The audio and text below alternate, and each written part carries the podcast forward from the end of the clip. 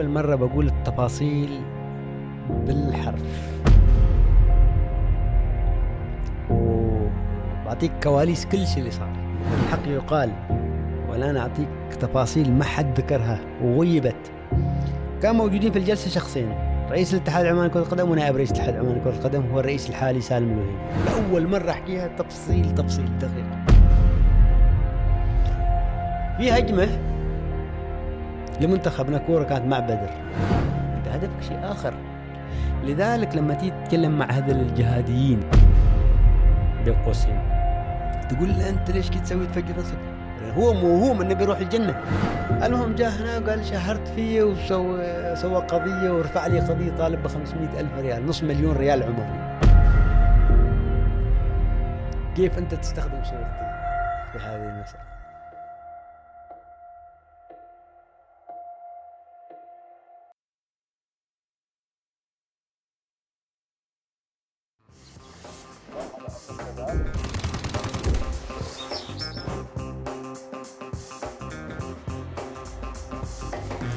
كيف تم؟ دون بدور بنطلع كيف تم؟ أيوه أيوه دان بسام كيف الأكل تم؟ أيوه دن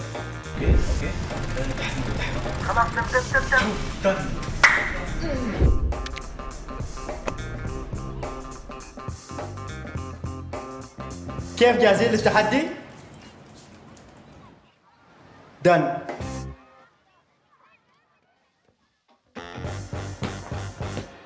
نوصل اللي في فؤادك وأكثر ولأن عندنا شغف يحركنا تلقانا نشتغل بكل حب في كل مكان. وإحنا نقضي مشاويرنا وإحنا نشتري الراشن في جمعاتنا وحتى في أماكن ما ممكن تتخيلها. نقطة. نحن نبهر.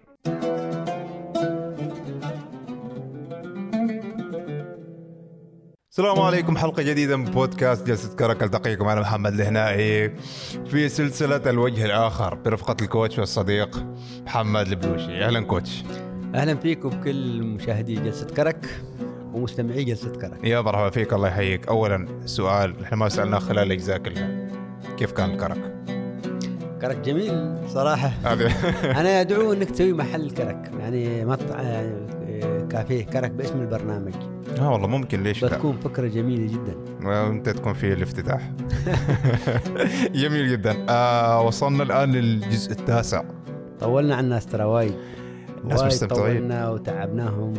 وأعتقد بس جدنا أنا أتوقع أن نقترب لنهاية السلسلة. ما حددنا كم جزء بيكون. لأننا نحن جالسين نلعب على عامل التشويق. آه، أحداث طبعا كثيرة شخصيات عجيبة آه، أصدقاء آه، كثر. هنا نريد نفتتح هذه الحلقة قبل أن نرجع نكمل في الأحداث. من وين ما توقفنا؟ نحن توقفنا في الأرجنتين. زين أريد أعرج على مفهوم جدا مهم. تقريبا هذا يمس الكثيرين اللي هو مفهوم الصداقة. الصديق. خلال هذه السلسلة كلها إنزين سواء من لما كنت صغير لين الآن في خلال هذه الأجزاء كلها في أصدقاء التقيت فيهم أيام أو مرات معدودة وبقوا معك مدى العمر. في شخ... أشخاص يعني هم من لما صغار مثل يوسف الزجاج استمروا معك. وتحديدا في الجزء الخامس أنت ذكرت إنه أحيانا ممكن تلتقي في شخص في فترة جدا بسيطة وبعدها يستمر معك ويبقى الأثر. السؤال الآن من هو الصديق بالنسبة للكوتش محمد؟ بالنسبة لي أعتقد وبالنسبه ل المفروض كل الناس يعني صديق اللي يوقف معك دائما يتقبلك بكل حالاتك آه، يستوعب آه، جنونك آه، هو صديق يعني بشكل مختصر يعني لأنها مفهوم وايد متشعب. يعني تقدر تقول إنه هو معك بالحلوة والمرة. أكيد طبعا. أكيد أكيد أكيد. إنزين لو ما في صديق كذا يجي في بالك الآن؟ وايد أصدقاء يجوا ببالي أنا عندي كثير أصدقاء برا وداخل عمان. بس. ذكرنا بعضهم في الحلقة في الحلقات طبعا وبعضهم طبعا. ما ذكرناهم ما يتسع المجال تذكر كل الناس. تعرف ليش أنا أسألك هذا السؤال؟ لأن أنا دائما لما أطرح عليك سؤال أنت عارف أنت من الأشخاص اللي فكرة مباشرة كذا تنزل. فأنا أقول لك لو صديق يجي مثلا على بالك أو مثلا أغنية تجي على بالك بتعطيني مباشرة. الآن خالد المعمري. خالد المعمري أحد أصدقائي الجميلين والمقربين. خالد تحول من صديق إلى أخ يعني كثير شاركنا حتى في البيت. نحن اعرف عائلتي أنا اعرف عائلته. آه تقدر تقول شخصية عجيبة؟ هو خالد عجيب وجميل ويعني عنده جميل أشياء كثيرة إيجابية وجميلة. تعرف في واحد من ال- الأشخاص ما ما أتذكر في تويتر أو في في اليوتيوب كان كان كاتب إنه لما الكوتش يقول تجربة عجيبة شخصية عجيبة أعرف انه ترى بتطلع من وراها مغامرة. فهل صارت مغامرات مع خالد؟ تجارب؟ قصص؟ صار كثير. ترى شوف أنت لما تكون مع صديق سنوات طويلة أكيد في مواقف آه، أتذكر مرة جالسين بالليل. أنا وخالد. هذا الكلام في 2004 جالسين نسولف عادي. أنا أحب الليل. الليل كله هلوسة مثل ما يقول ناصر البدري الشاعر الجميل فنحن جالسين نهلوس نسولف يعني. فقلت له خالد أريدك توصلني باكر. قال لي أوكي. موضوع وايد بسيط يعني. قلت له أنت متأكد؟ قال لي أيوه أكيد. قلت له خلاص إذا باكر بنقوم بتوصلني. الحين أنا أقول هذا ما ما فاهم ما مستوعب هين بيوصلني بسيارته. هو يمكن يتوقع مثلا بوصله مشوار في مسقط أو بوصله من مسقط للمصنعة. الأشياء العادية ال... قال لي بعد فترة زين أوكي الساعة كم تريد؟ قلت له الصبح بنروح. قال لي زين. بس هين بنروح؟ قلت له قطر. قال لي قطر. ليش؟ كيف يعني نروح قطر؟ قلت له بنروح قطر ثلاث أربعة أيام وبنرجع. آه، في كاس الخليج كان خليجي 17 أنا كنت رايح في كاس الخليج لأن كنت في النجم وكنت أريد أيضا آه، آه، أسوي خبر أشوف كان تحديدا 2004 كاس 2004 الخليج. أيوه أتذكره. اللي في قطر. فقال لي خالد أوكي. الدبس مسكين لأن انت أيوة. توصيله. قال لي أنا وعدتك بوديك. يعني ما قال أوه قطر بعيد وأنا مداوم وما أعرف إيش راح أخذ إجازة من الدوام. طلعنا بسيارة رايحين. سوق نحن ما نعرف الدرب.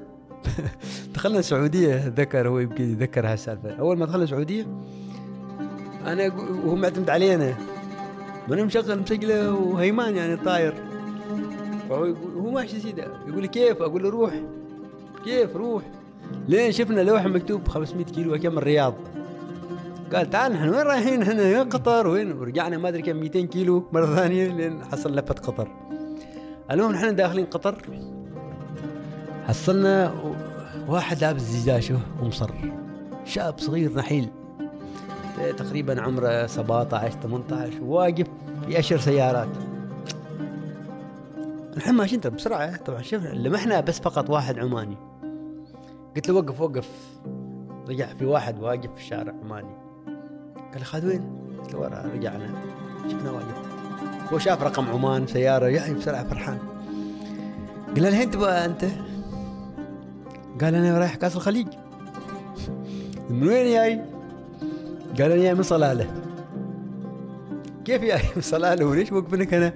قال أنا جاي باصات أنا طالع الظهر من المدرسة وجاي يا رجل قلت له أنت إيش تسوي؟ قال بشوف مباراة منتخب منتخب اليوم يلعب بيلعب باكر. لازم نشوف منتخب. هذا الشخص عجيب. كل شوي يقول انفلوط أنا ما أعرف إيش هالكلمة معناها طبعا. هو كل شوي يتكلم يتكلم يقول انفلوط انفلوط قلنا أوكي خلاص. فنحن لما ننسى اسمه ناديه انفلوط هو ما ما يزعل. أنا يا أخي أول ما شفته فكرت قلت يا أخي تذكرت أنا يوم كنت واقف في باصات وما أعرف إيش. الهروب الكبير. ومتبهدل. قلت هذا ما يصير يعني بعد. وبغض النظر عن هالقصة هو عماني على طول أنت تشوف واحد عماني برا أو يريد شيء أو شيء أنت خلاص ما ما مهم هو من صلالة من أي منطقة من أي قبيلة من أي شكل أهم شيء دشداشه تجمعك. أنت تشوف واحد لابس دشداشه عمانية خلاص. يعني هذا جواز سفر أعتبره. جواز سفر لصداقته لصداقتك. يعني للدخول في يعني معك ويعيش معك وكل شيء. فقلت حق خالد نحن خلينا نوصله. لا ترى بنوصلك نحن. وحتى الحين بتنام ما أعرف قال. قلت أنا هذا بعد واحد ثاني. شنو يعني؟ نفسك بالضبط. بس هذا يعني هي بعدين متأخر. وشاب. زي ما انت خلص قال بس بشوف مباراة منتخب بعدين برجع. عمان. ما مهم هنا أنام. قال اهم شيء أشوف منتخب يلعب. يا أخي هذا الشعور يخليك أنت تقول بس هني يعني. هذا عجيب هذا الشخص. قلت حق خالد إحنا بنشله معنا قال خالد أكيد طبعا. وقال خالد بنحجز له غرفة في الفندق.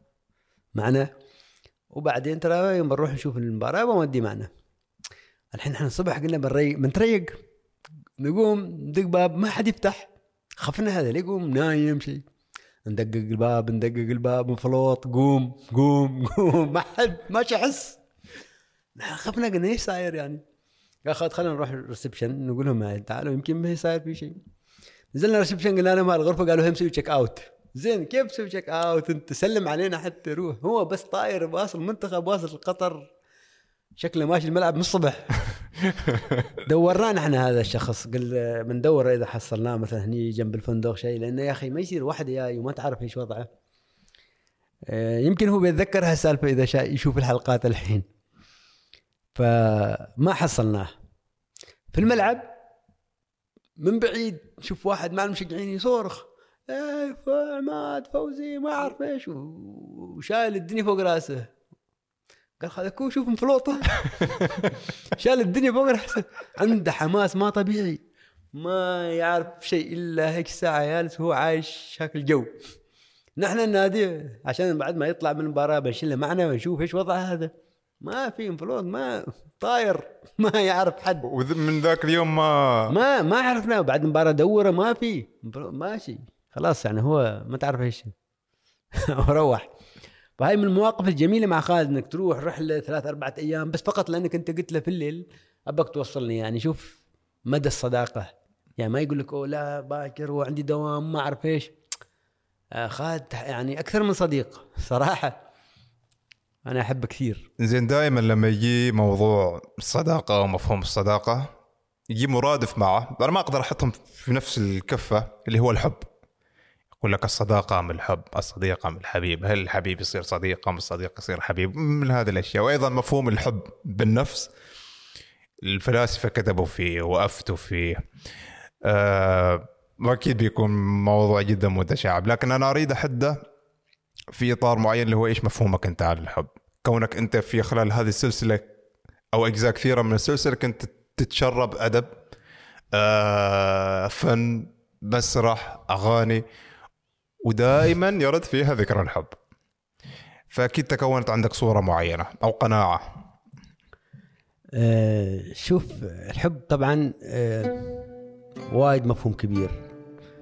آه، وايد عميق. ومتشعب ومختلف. يعني مثلا بنبدأ من من الحب الإلهي. يعني شوف حتى المتصوف هذا من كثر ما متصل بالله. لما يدور يدور يدور يدور يدور يدور. الناس تقول هذا ما يعور راسه يدور كذي.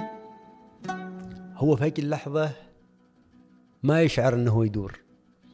هو يشعر إن الكون كله يدور حوله. هو اللي واقف.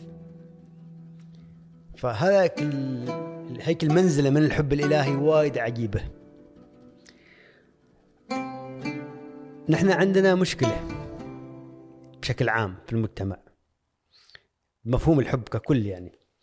نحن عندنا هنا في في مجتمعاتنا قليل تلقى واحد مثلا يحضن أمه.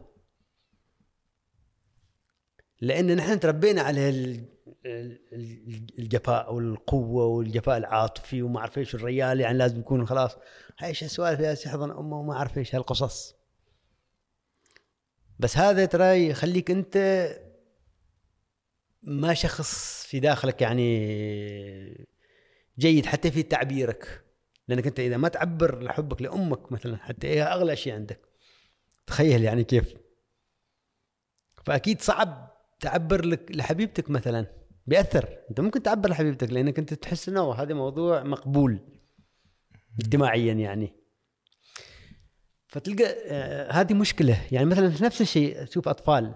مفهوم الحب ترى وايد مهم. يعني شوف أطفال لما يجي واحد مدرسة تقول لهم أو مدرس أو حتى أب يقول حق أطفاله إذا كذبت الله بيدخلك النار بيعاقبك.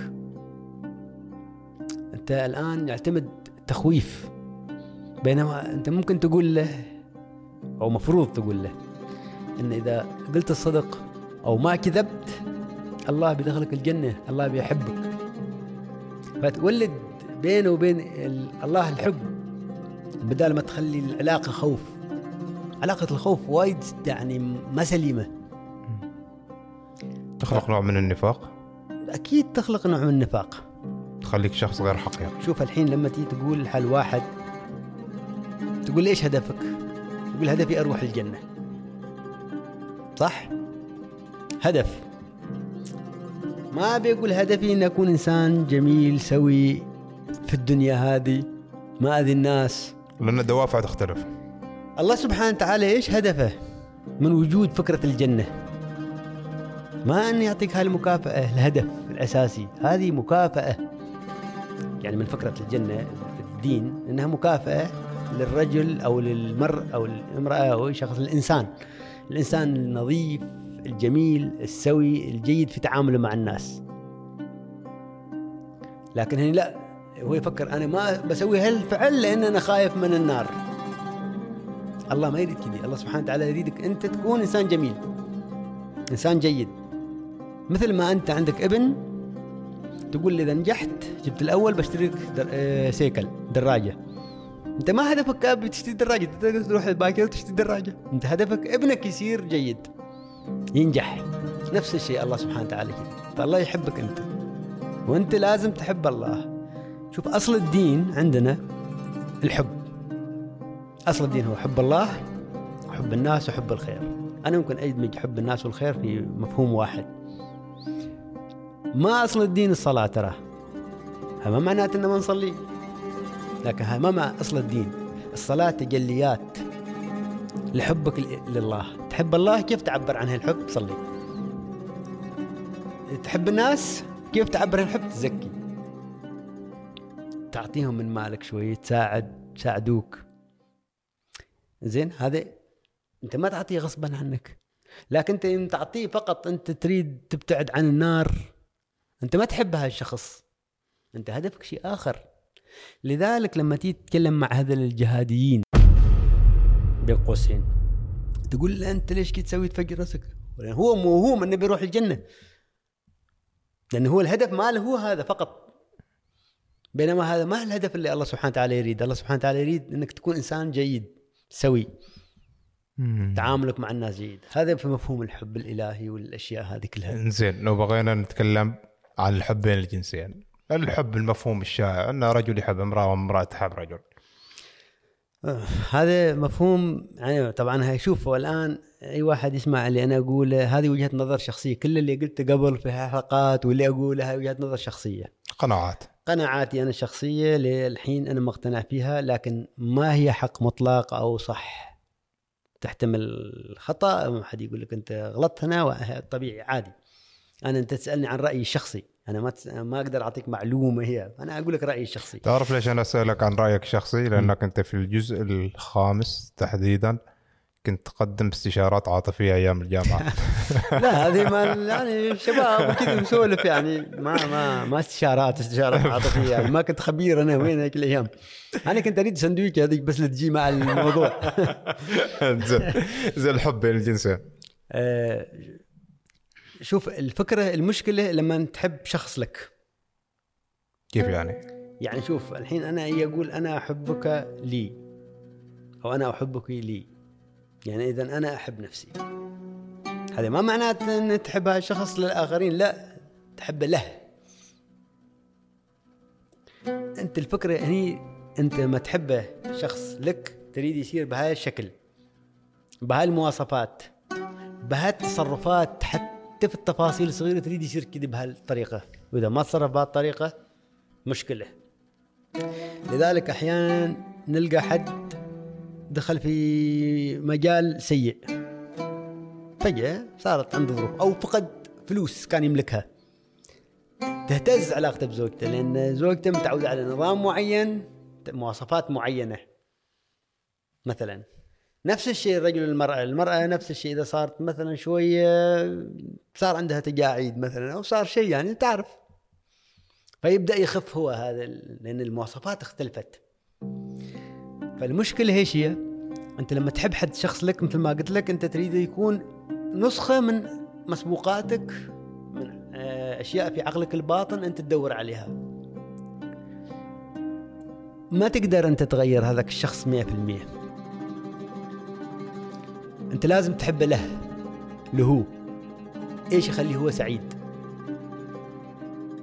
هذا يخليه سعيد انت إذا تحبه الشخص هذا الموضوع يخليه سعيد. حتى لو وصل أن سعادته ما معك. إذا كان هو بيكون أسعد بدونك أنت فعلا هني تحبه الشخص لكن أنت لا تريده بس فقط معك أنت وهو ما قادر يتعايش معك هاي مشكلة. هذا المفهوم إن تحب الشخص له وايد مفهوم كبير. يعني وايد صعب. لازم أنت هني عدن إيه، مثلا بيجي واحد بيقول okay طيب أنا كيف بحب هذا الشخص؟ بكل علاته ويمكن هذا ظالم ويمكن مؤذي ويمكن يشرب خمر ويكسر البيت.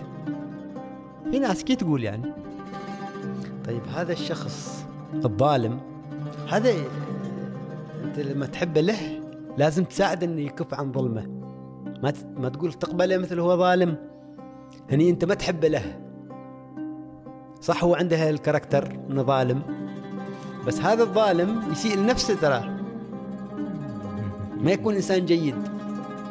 ما معناته لما أقول لازم تحبه له. تحبه okay بكل علاته ويمكن ي- يأذيك ويأذي نفسه. لا هني هو عنده مشكلة. هذا موضوع ثاني. بعدين يصير مفهوم التعايش. يعني مثلا أنا شخص أعرف يعني مثلا يقول لك يا أخي كيف أنا أحب واحد مثلا اهتماماته غير عن اهتماماتي ما مسوي يعني هني ما مشكلة احبه لكن لا ما لازم تتعايش معه. لذلك يعني أنت ما لازم تتزوج شخص أنت تشوفه أو ترتبط بشخص أنت تشوفه. التعايش معه مستحيل. أنت صح ما تكرهه؟ وهو شخص جيد بس مختلف عنك تماما. مختلف في طباعة مختلف في هواياته في اهتماماته في رؤية الأشياء. ما معناته أنت أحسن؟ والله هو أحسن. معنى أنكم مختلفين. ما يصير تجتمعوا. لأن اجتمعتوا بتصير حياتكم صعبة. فلذلك أنت هذا الشخص ممكن تحب فيه بعض الصفات لكن ال- الاختلافات والصعوبات في الحياة معه بتكون كبيرة. إنزين هنا ممكن نختم بسؤال اللي هو إنك لو فرضا حبيت شخص مش لك حبيته له هو. مع التقدم في العمر التقدم في العلاقة اكتشفت إنك أنت أساسا ما كنت تحبه له هو كنت تحبه لك أنت. ترى في البداية لازم بتحب لك. ليش محمد؟ شوف في البداية أنت عندك في عقلك الباطن اشتراطات ومثلا معايير معينة. شكلية خلقية جميل جميل جميل. هذا هذا واضح هذا أنت وضحت وأخلاقية. بالضبط. الفكرة الآن أو السؤال الآن هو أنه وأنا أريد أربطها بنقطة التعايش هل من الممكن أنك تحط خط عودة بمعنى أنك أنت تبتعد عنه لأنك تحبه له؟ إذا صار تعايش مستحيل طبعا. يعني من حبك له تبتعد عنه. أيوه لأنك أنت وجودك يأذيه ووجوده هو يأذيك. هذا ما ما علاقة سليمة يعني. فهاي مشكلة. لكن في البداية 100% بتحبه. طبعا في مواصفات أنت عندك. انطباعات رؤيتك أنت في البداية. بعدين لازم يتحول حبك له. لذلك يصير تنازلات.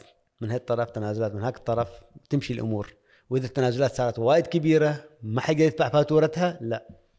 هنا نحن نوقف لأن العلاقة بتكون مسمومة غير سليمة. زين هنا على أساس أن ننتقل من ذا الموضوع ونرجع دخلنا في قصص. ما لا شوف لأن ارجع وأكرر وهل بالخط العريض أو بالبنط العريض إنه الفكرة الأساسية من هذه السلسلة هي إن نشوف هذه الأفكار كيف تكونت. يعني أنا هذه من المواضيع اللي كانت في بالي من الأجزاء السابقة لكن عمدا أجلتها لهذا الجزء على أساس نحن نشوف هالأفكار كيف تكونت أو القناعة اللي وصلت لها. ممكن بعد عشر سنوات تكون القناعة تغيرت. طبعا وغلط تراك أنت تقول أنا قناعتي هذه فقط وما بتتغير. لأن يمكن تكتشف فكرة أفضل. هذا الديالكتيك هالجدل. الجدل إنه يكون الديالكتيك. يعني أنت عندك فكرة. okay؟ ما لازم أنت تصر على فكرتك يجي واحد ثاني يجيب فكره مغايره لفكرتك. أنت من تدرس هالفكرة المغايره لفكرتك وتقتنع فيها تتحول من هالفكرة لهاك الفكرة. بعدين تطلع أفكار أخرى. أنت بعدين تمشي حل فكرة وسط. هذا الجدل ما جدل جدال. لما يقول لك آه، جدلية ما جدال بين شخصين جدال حواري نقاش. لا ديالكتيك. تنتقل من فكرة إلى فكرة أخرى. بعد ما تشوفها بعد تكتشفها أيضا في فكرة أخرى. أحيانا في فكرة ثالثة تجمع الفكرتين. وانت تتطور انت ما تحط سقف انك انت خلاص بتوقف هني بهاي الفكرة وان خلاص أنا وصلت للحق المطلق. قلنا ما في حق مطلق. في انت باحث عن الحق وباحث عن الحقيقة في كل الأشياء وما بتوصل للحقيقة المطلقة لأن ما في حقيقة مطلقة غير الله. أنت بتموت لازم تكون باحث وأنت ميت. جميل زين على أساس ننتقل لموضوع الحب ونرجع للأرجنتين ونكمل الرحلة. أحسن سؤال سريع عرضي. أغنية عن الحب تحضرك الآن. سريع. أحبك جدا وأعرف أني تورطت جدا. جميل بنحط رابط الأغنية تحت في صندوق الوصف هذه نعتبرها هداية لكل العشاق من الكوتش. ما ده. أنا مال كرة قدم. خلينا من فلسفة وحب ودين. أنا إنسان مال كورة. لا هذا الوجه الآخر. نحن نريد نطلع الوجه الأخرى. وعلى طار الكورة الآن بننتقل نوعا ما بشكل نرجع، أيوة، نرجع جدا. أعمق لل- للكورة. زين الآن بنرجع ل 2005 لنهاية الحلقة أو الجزء السابق. نحن دائما ننهي بطريقة أن الجمهور على كثر ما يحبوا هذه الطريقة على كثر ما انه يقول لك ليش تشوقنا تعمل علينا نفس الضغط أن نريد الحلقة اليوم اللي بعده وانتهينا بسؤال اللي هو أنت هل فعلا التقيت بمارادونا أم لا؟ هناك في 2005 أنا ما التقيت في مارادونا بس آه، يعني. ما التقيت لقاء كي جلسه بيني وبينه التكريم كان مال نادي بوكا جونيورز إنك أنت آه، تروح أول شيء آه، زيارة للملعب تجلس مع الإدارة. اثنين تروح آه، تأخذ كأس العالم للأندية تصور معه تشيله يبطلوا لك إياه من المتحف تأخذه. وبعدين تروح غرف الملابس. كان معي أنا أتذكر مجموعة من الإداريين مال بوكا. فجلسوا هم قدام في الص- في ال- في غرف الملابس. وين يجلسوا اللاعبين وكانت في سبوره اللي يشرح فيها المدرب بيانكي أعتقد كان هيك الأيام. فقالوا لي أنت تعال اشرح لنا خطة كان نمثل. اعتبر نفسك أنت بدال بيانكي. واشرح لنا خطة كيف نهزم ريفر بليت ستة سبعة. طبعا ما يعني تمثيلية يعني. لا أنا بيانكي ولا هم لاعبين يعني جيدين.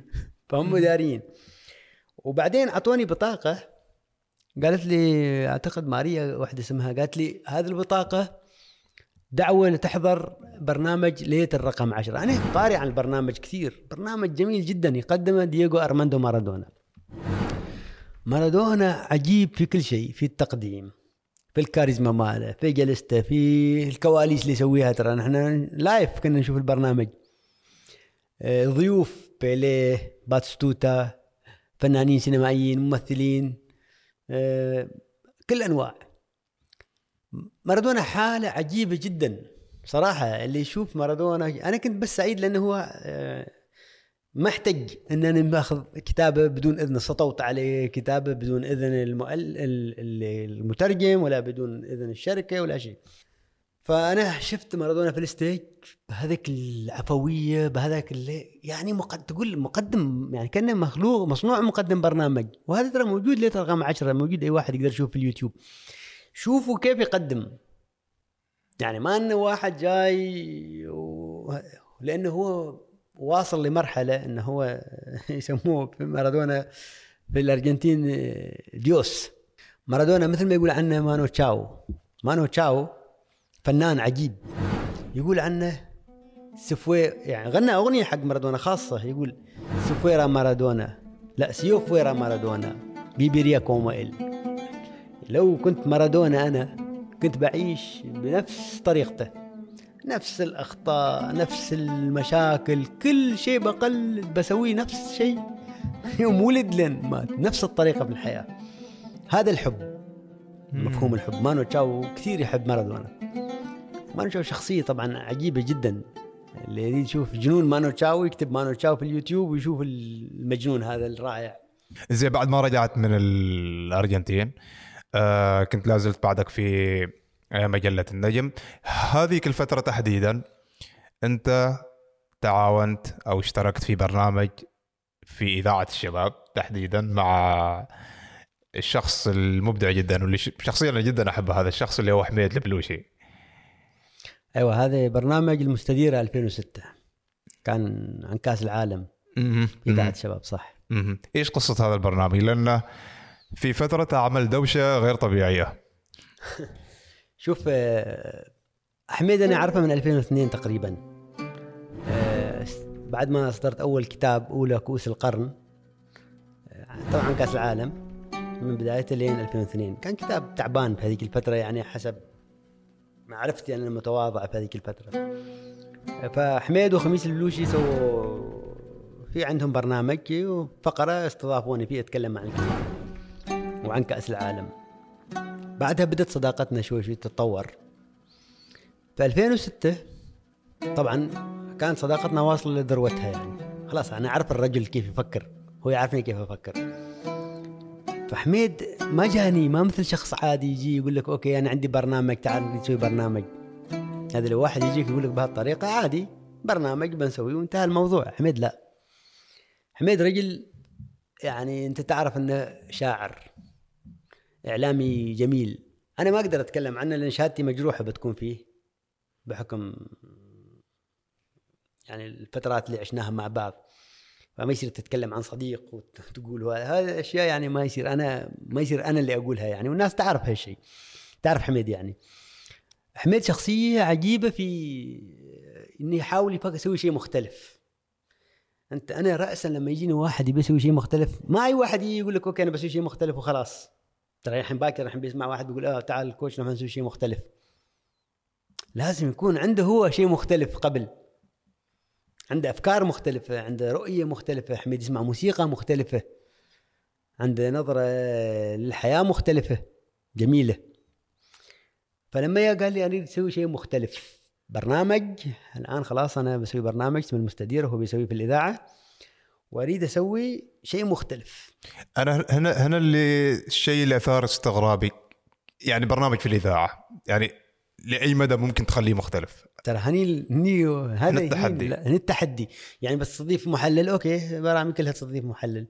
بتسوي برنامج بتخلي الجمهور يشارك كل برنامج جمهور يشارك. بتجيب إعلامي بتجيب نجم. يعني هذه الأشياء تصير. تبى تسوي شيء شوف ال- الشيء الجميل تبى تسوي شيء مختلف وأنت ميزانيتك يعني بسيطة جدا هي لل- للبرنامج ما في فلوس يعني إضافية بتعطي حتى الناس اللي بي تريدهم يسوون معك هذا الشيء ما بتدفع لهم هو قال لي بالح- بالحرف. قال لي ترى ما في فلوس في الإذاعة. فالبرنامج ميزانيتي هذه. بس خلينا نسوي شيء مختلف. خلينا نعيش الحلم. تعرف طالعين إحنا بهيك الفترة يعني عندنا هيك الشغف كبير. يعني يوازي شغفه شغفي. ما إنه هو جاي بس كذي يريد يصير مذيع. لا حميد رجل شغوف. فقلت له أوكي أنا كثير استمتعت يعني وفكرت وما ترددت ان نشارك. ما مهم أي شيء. آه، فكرنا في أفكار قلنا أوكي خلينا نخلي الجمهور العماني يسمع صوت مختلف.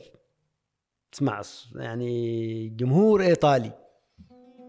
جمهور عماني مع الجمهور الإيطالي يصير تواصل بينهم. أنت تخيل أنت تشجع منتخب ايطالي أو تشجع ريال مدريد يكلمك واحد يشجع ريال مدريد ورئيس رابطة يعني أو شيء.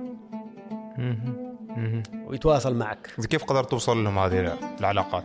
شوف أنا في الفترات اللي كنت أروح فيها إسبانيا في هذيك الفترة صح تكلمنا عن المظاهرات عن جانب التعب بس أنا كنت أبني علاقات في هذيك الفترة. كنت عندي آه، بادي أسس تعرف على فنانين إسبان على مثقفين أشارك في تعبين تأبين شعراء مثل رافائيل ألبرتي وغيرهم.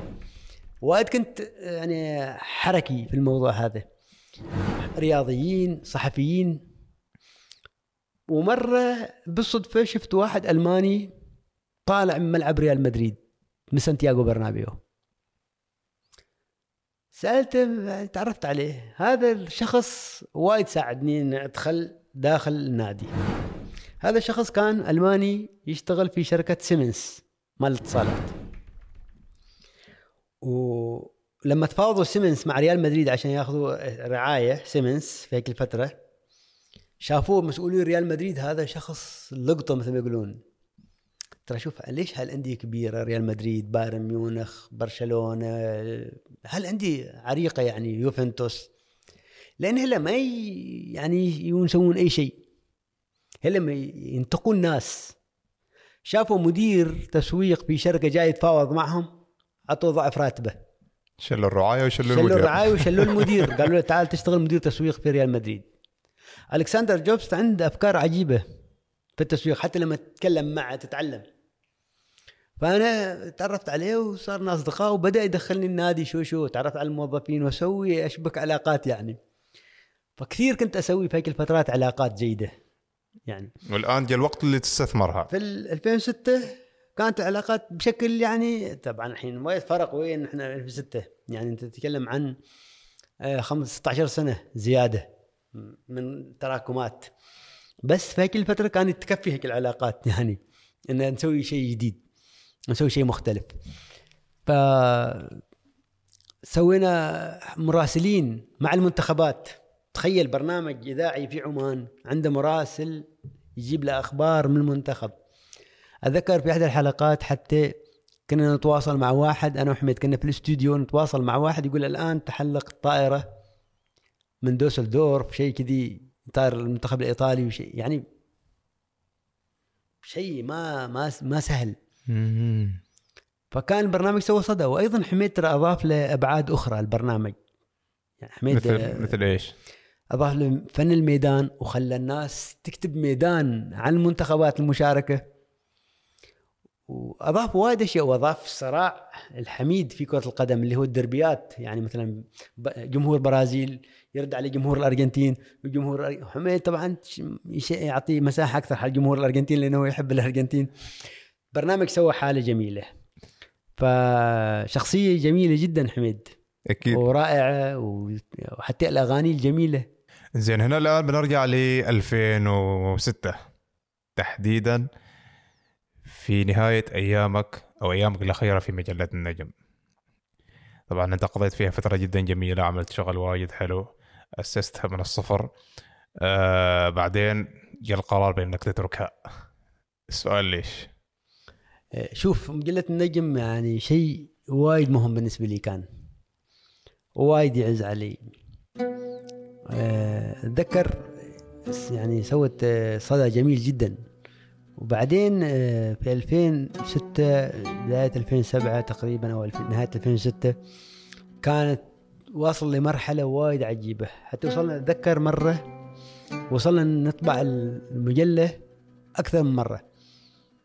خروج منتخبنا في كأس الخليج أو مشاركته الخليج اللي كانت في الإمارات. سوينا عدد آه، نفذ من السوق. طلبوا الناس نسخة يتصلون. أول مرة مجلة فقال حاتم خلينا نطبع. يعني نسخة يعني مجموعة أخرى من النسخ. طبعا أنا قلت أنا نكتب عليها الطبعة الثانية. شوف مجلة تكتب عليها الطبعة الثانية مش كتاب. ونفذ من السوق. الناس تتصل مرة ثانية تريد نسخ. هيك أيام ترى ما كان في وايد وسائل social media وما أعرف إيش. يعني كان وايد ناس تهتم بالشيء المك- المكتوب أو المجلة يعني بشكل عام. كان وطبعنا نسخة ثالثة. طبعه ثالثه وكتبنا عليها الطبعة الثالثة. فأنا حسيت نحن وصلنا لمرحلة وايد عجيبة. آه، مستوى وايد رائع. وفي هيك الفترة كانت تنافسنا داخل السوق المحلي مجلة السوبر الإماراتية. مجلة جميلة سوبر الحق يقال فأنا جاتني فكرة إنه okay هم جو ينافسوك هنا في عمان. إذا مثل ما تجي المنتجات داخل سوقنا المحلي وتنافس ليش المنتج العماني ما ينافس برا السوق المحلي يعني؟ فوايد كان عندي هم. تعرف انت بلادك يعني تشوف عماني أو شيء عماني تريد يكون هو الأفضل.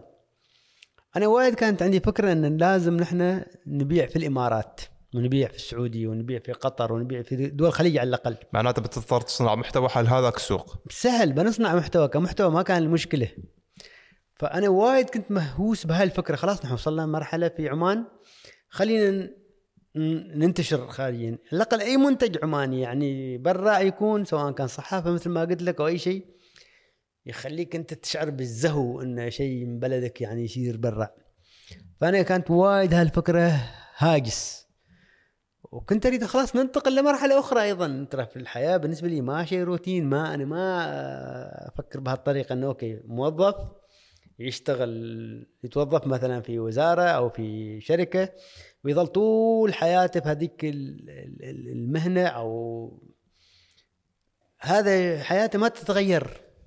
ما فيها تجارب ما فيها شيء ما فيها إثارة. 40 سنة واحد يقول لك أنا كنت أشتغل في وزارة مثلا معينة. أو 30 سنة وخلاص الآن تقاعدت حياة أنت رتيبة. حياتك تمشي خط واحد.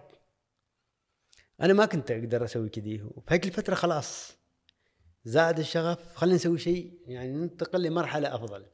فلما جاتني الفكرة قلت أنا خلاص بروح الحاتم بيشاركني في نفس الموضوع وهذا شيء يعني بيصير إيه. أنا ما حسبت حسابات أخرى طبعا أنا أنظر للموضوع من زاويتي. أكيد طبعا هو عنده مؤسسة مؤسسة إمكانياتها محدودة. الآن يعني طبعا كبرت أعرف هالأشياء يعني مع مع مرور الوقت. فحاتم ما كان عنده نفس الهم إن نحن أوكي لازم الآن ننتشر. يقول ممكن نسويه في المستقبل.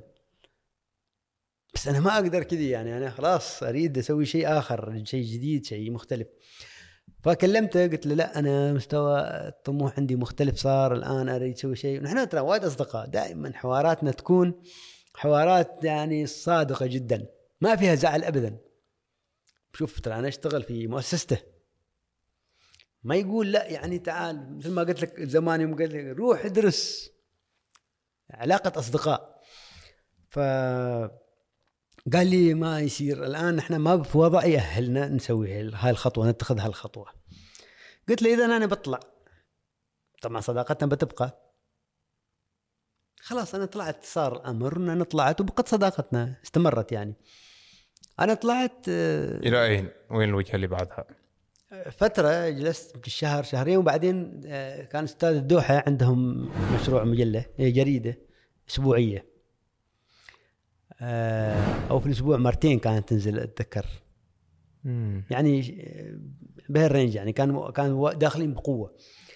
اشتغلت معهم مسؤول القسم العالمي. هنا جات okay أنت بصح مسؤول عن قسم العالمي كل ما يتعلق طبعا بكرة القدم العالمية مش المحلية القطرية والخليجية والعربية لا أنا القسم العالمي. قلت بستغل شوي علاقاتي وكنت دائما أريد أسوي شيء يعني مختلف. أوكي نحن الحين بنروح بنسوي بنتكلم عن الدور الإسباني الإيطالي الألماني ما أدري إيش لا. خلينا نسوي شيء يكون تقيل. هو طلب مني المسؤول ما يعني مدير التحرير أو رئيس التحرير طلب مني إيش ممكن نسوي لما جلسنا. قلت له شوف أنا بسوي كذا كذا كذا كذا لكن أنا ما أريد أداوم يوميا هني. أنا بروح عمان بداوم من هناك. لأن أنا شغلي مع القسم العالمي مش مع المحلي. يعني ما يحتاج اني أنت تكون موجود في المكتب. هو اقتنع بالفكرة قال لي okay. اتفقنا على هالنظام شغل. أنا الهم كان أن نسوي يعني نقلة صحيفة خليجية تسوي حوارات مع نجوم عالميين. يعني مثلا فرناندو توريس كان في أوج عطاء آه، أندريا بيرلو آه، ماسيمو أمبروسيني. مجموعة من اللاعبين في الميلان في ريال مدريد في ما عندي وفعلا. عملته يعني لقاء؟ عملنا عملنا علاق عملنا حوارات معاهم. و... وشغلنا قسم للمراسلين. آه، الفكرة كانت بعد أيضا ال- الشيء الجيد فيها إن إحنا قدرنا نسوي هالشيء بدون ما ندفع فلوس. يعني أنت في العادة أنت لما تيجي تحاور نجم بيقول لك أوكي مدير أعمالي بيقول لك جيب 20000 ريال 20000 دولار 10000 يورو حسب. النجم يعني. أنت ما عندنا نحن هذا ترى ما في مكتوب في العقد أنه okay إذا اي أي أي شيء تسوي تغطية ندفع لك فيها فلوس. أنت عندك آه، مبلغ معين شهري ما لنا علاقة. سوي أي شيء المهم جيب لنا مادة جيدة. وهني ترى طبعا أنت تحت ضغط وتحت مغامرة كبيرة يمكن أنت ما تنجح.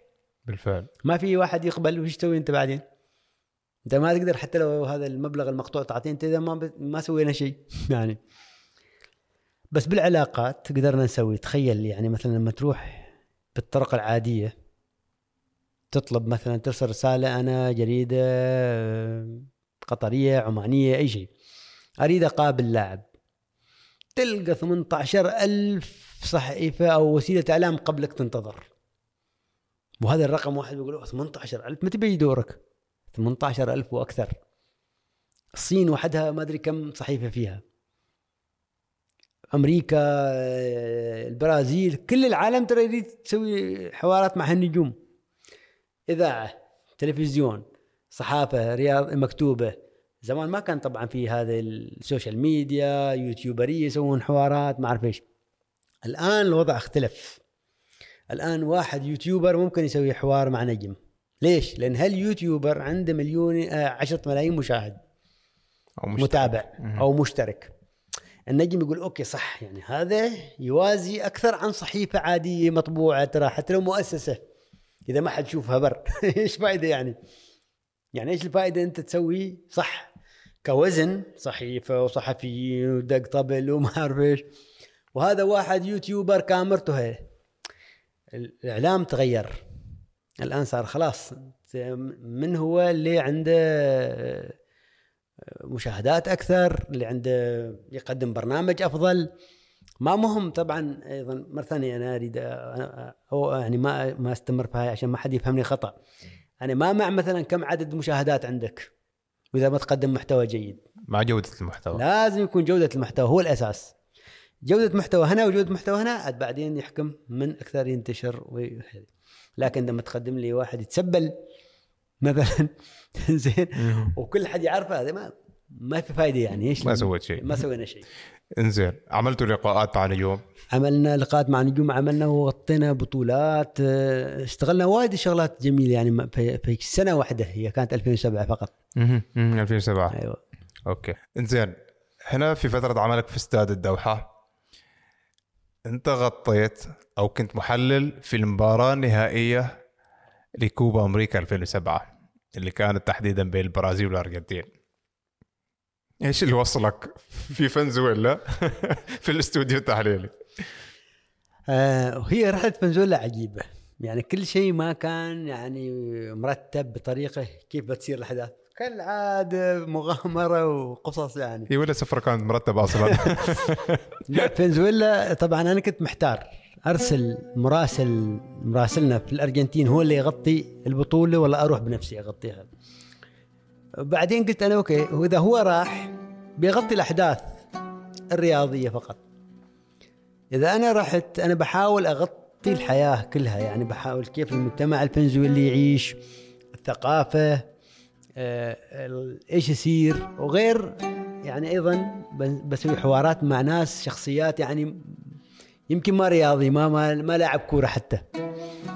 ومن أحاول أطلع يعني زاوية أخرى من لل- للبطولة. فقلت أنا خلاص بروح فنزويلا. المهم أنا رحت آه، طبعا آه، تواصلت مع اللجنه المنظمة إن أنا جاي أغطي البطولة آه، إعلامي وكذا سووا لي هذا البطاقة وكل شيء وحددت موعد سفري عشان هم يست يعني يعطوني البطاقة هاي. وصلت كراكس.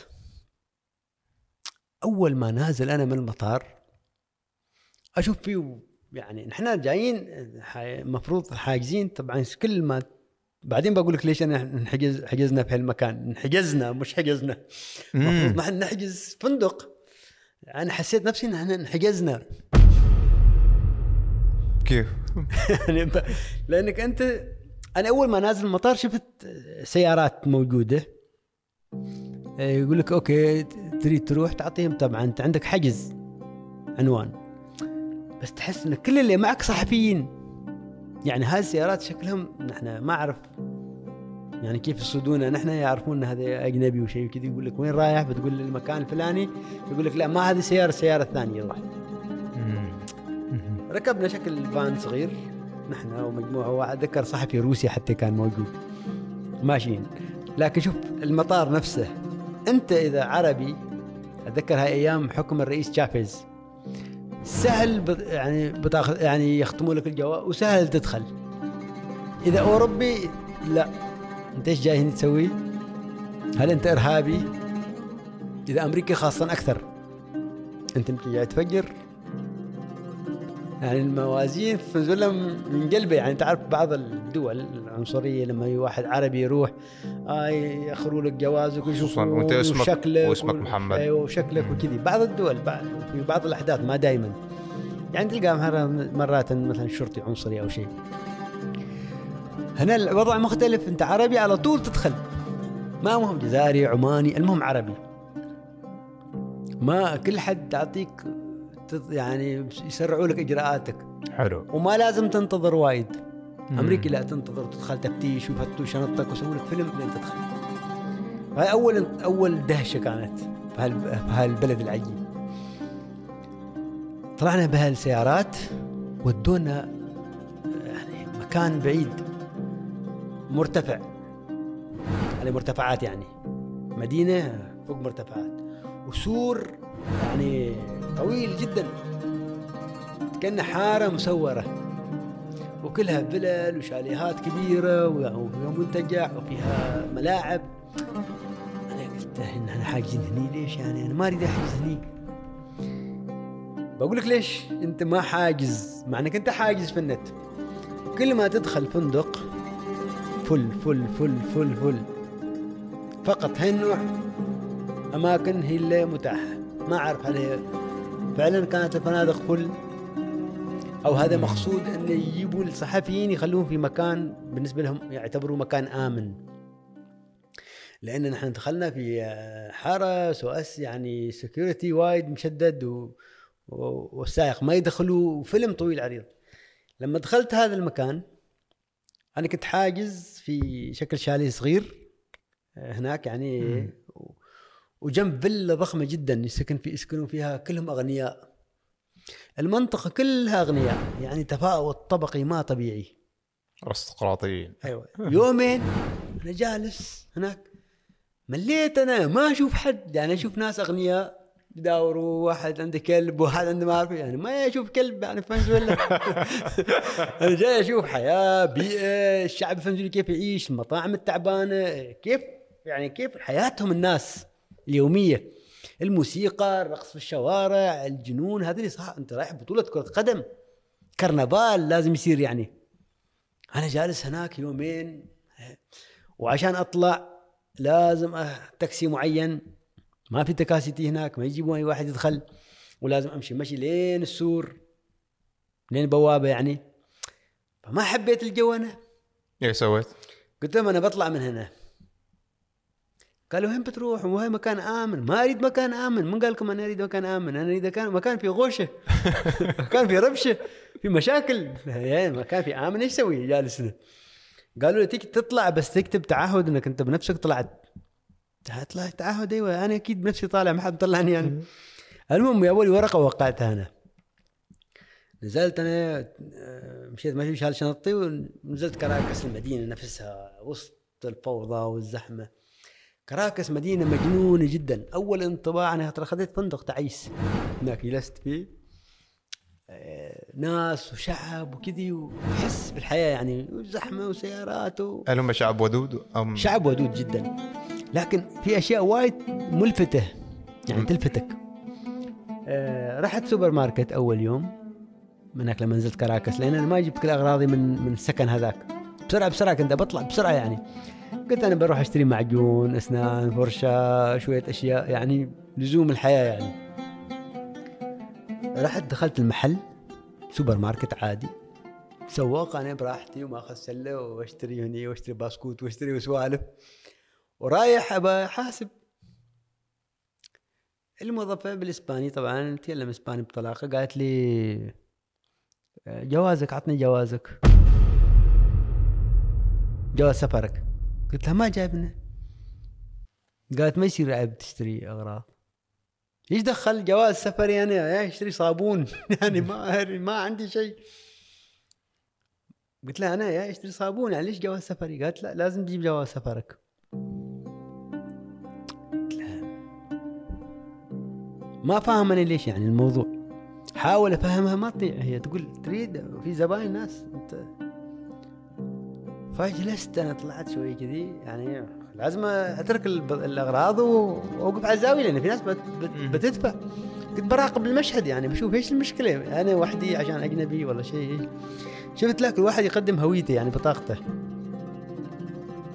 يسجلوا رقم بطاقته وشيء يعني كأنه. إجراء روتيني عادي. إجراء روتيني. بس أنا ما فاهم من إيش. بعدين قلت أنا بروح بجيب جواز سفري من الفندق ومرة ثانية بشتري صابون. معجون. وبعطيهم جواز سفري ومعجون. بقول لهم هذا جواز سفري أنا شاري معجون. هو إيش تسوي هي بعدين؟ هي ترى طبعا تعطيك فاتورة بالاشياء اللي شارتها لكن كل هذا يسجل. رقم جوازك صور يعني أنت خاصة إذا اجنبي واذا محلي نفس الشيء. يسجلوا رقم بطاقتك. مم. يعرفوا من شارك إيش. نظام أمني عجيب. يعني كأنهم يريدوا يعرفوا حتى أنت كم أنفقت. كم أنفقت كم تدخل وهذا الأجنبي إيش يسوي؟ هو أكثر شيء مركز على المحليين كان. لأن مدينة متفاوتة طبقية عجيبة جدا تطلع تروح آه، خطوتين شارعين تمر تلقى سور غيره وفلل ضخمة وناس ما حد يقدر يدخل. مجموعة من اللي أصولهم إيطالية ساكنين هناك عندهم ملاعب جولف عندهم ما أعرف إيش وجنبهم بيوت صفيح يعني وايد في تفاوت طبقي في فنزويلا صراحة اللي شفته أنا.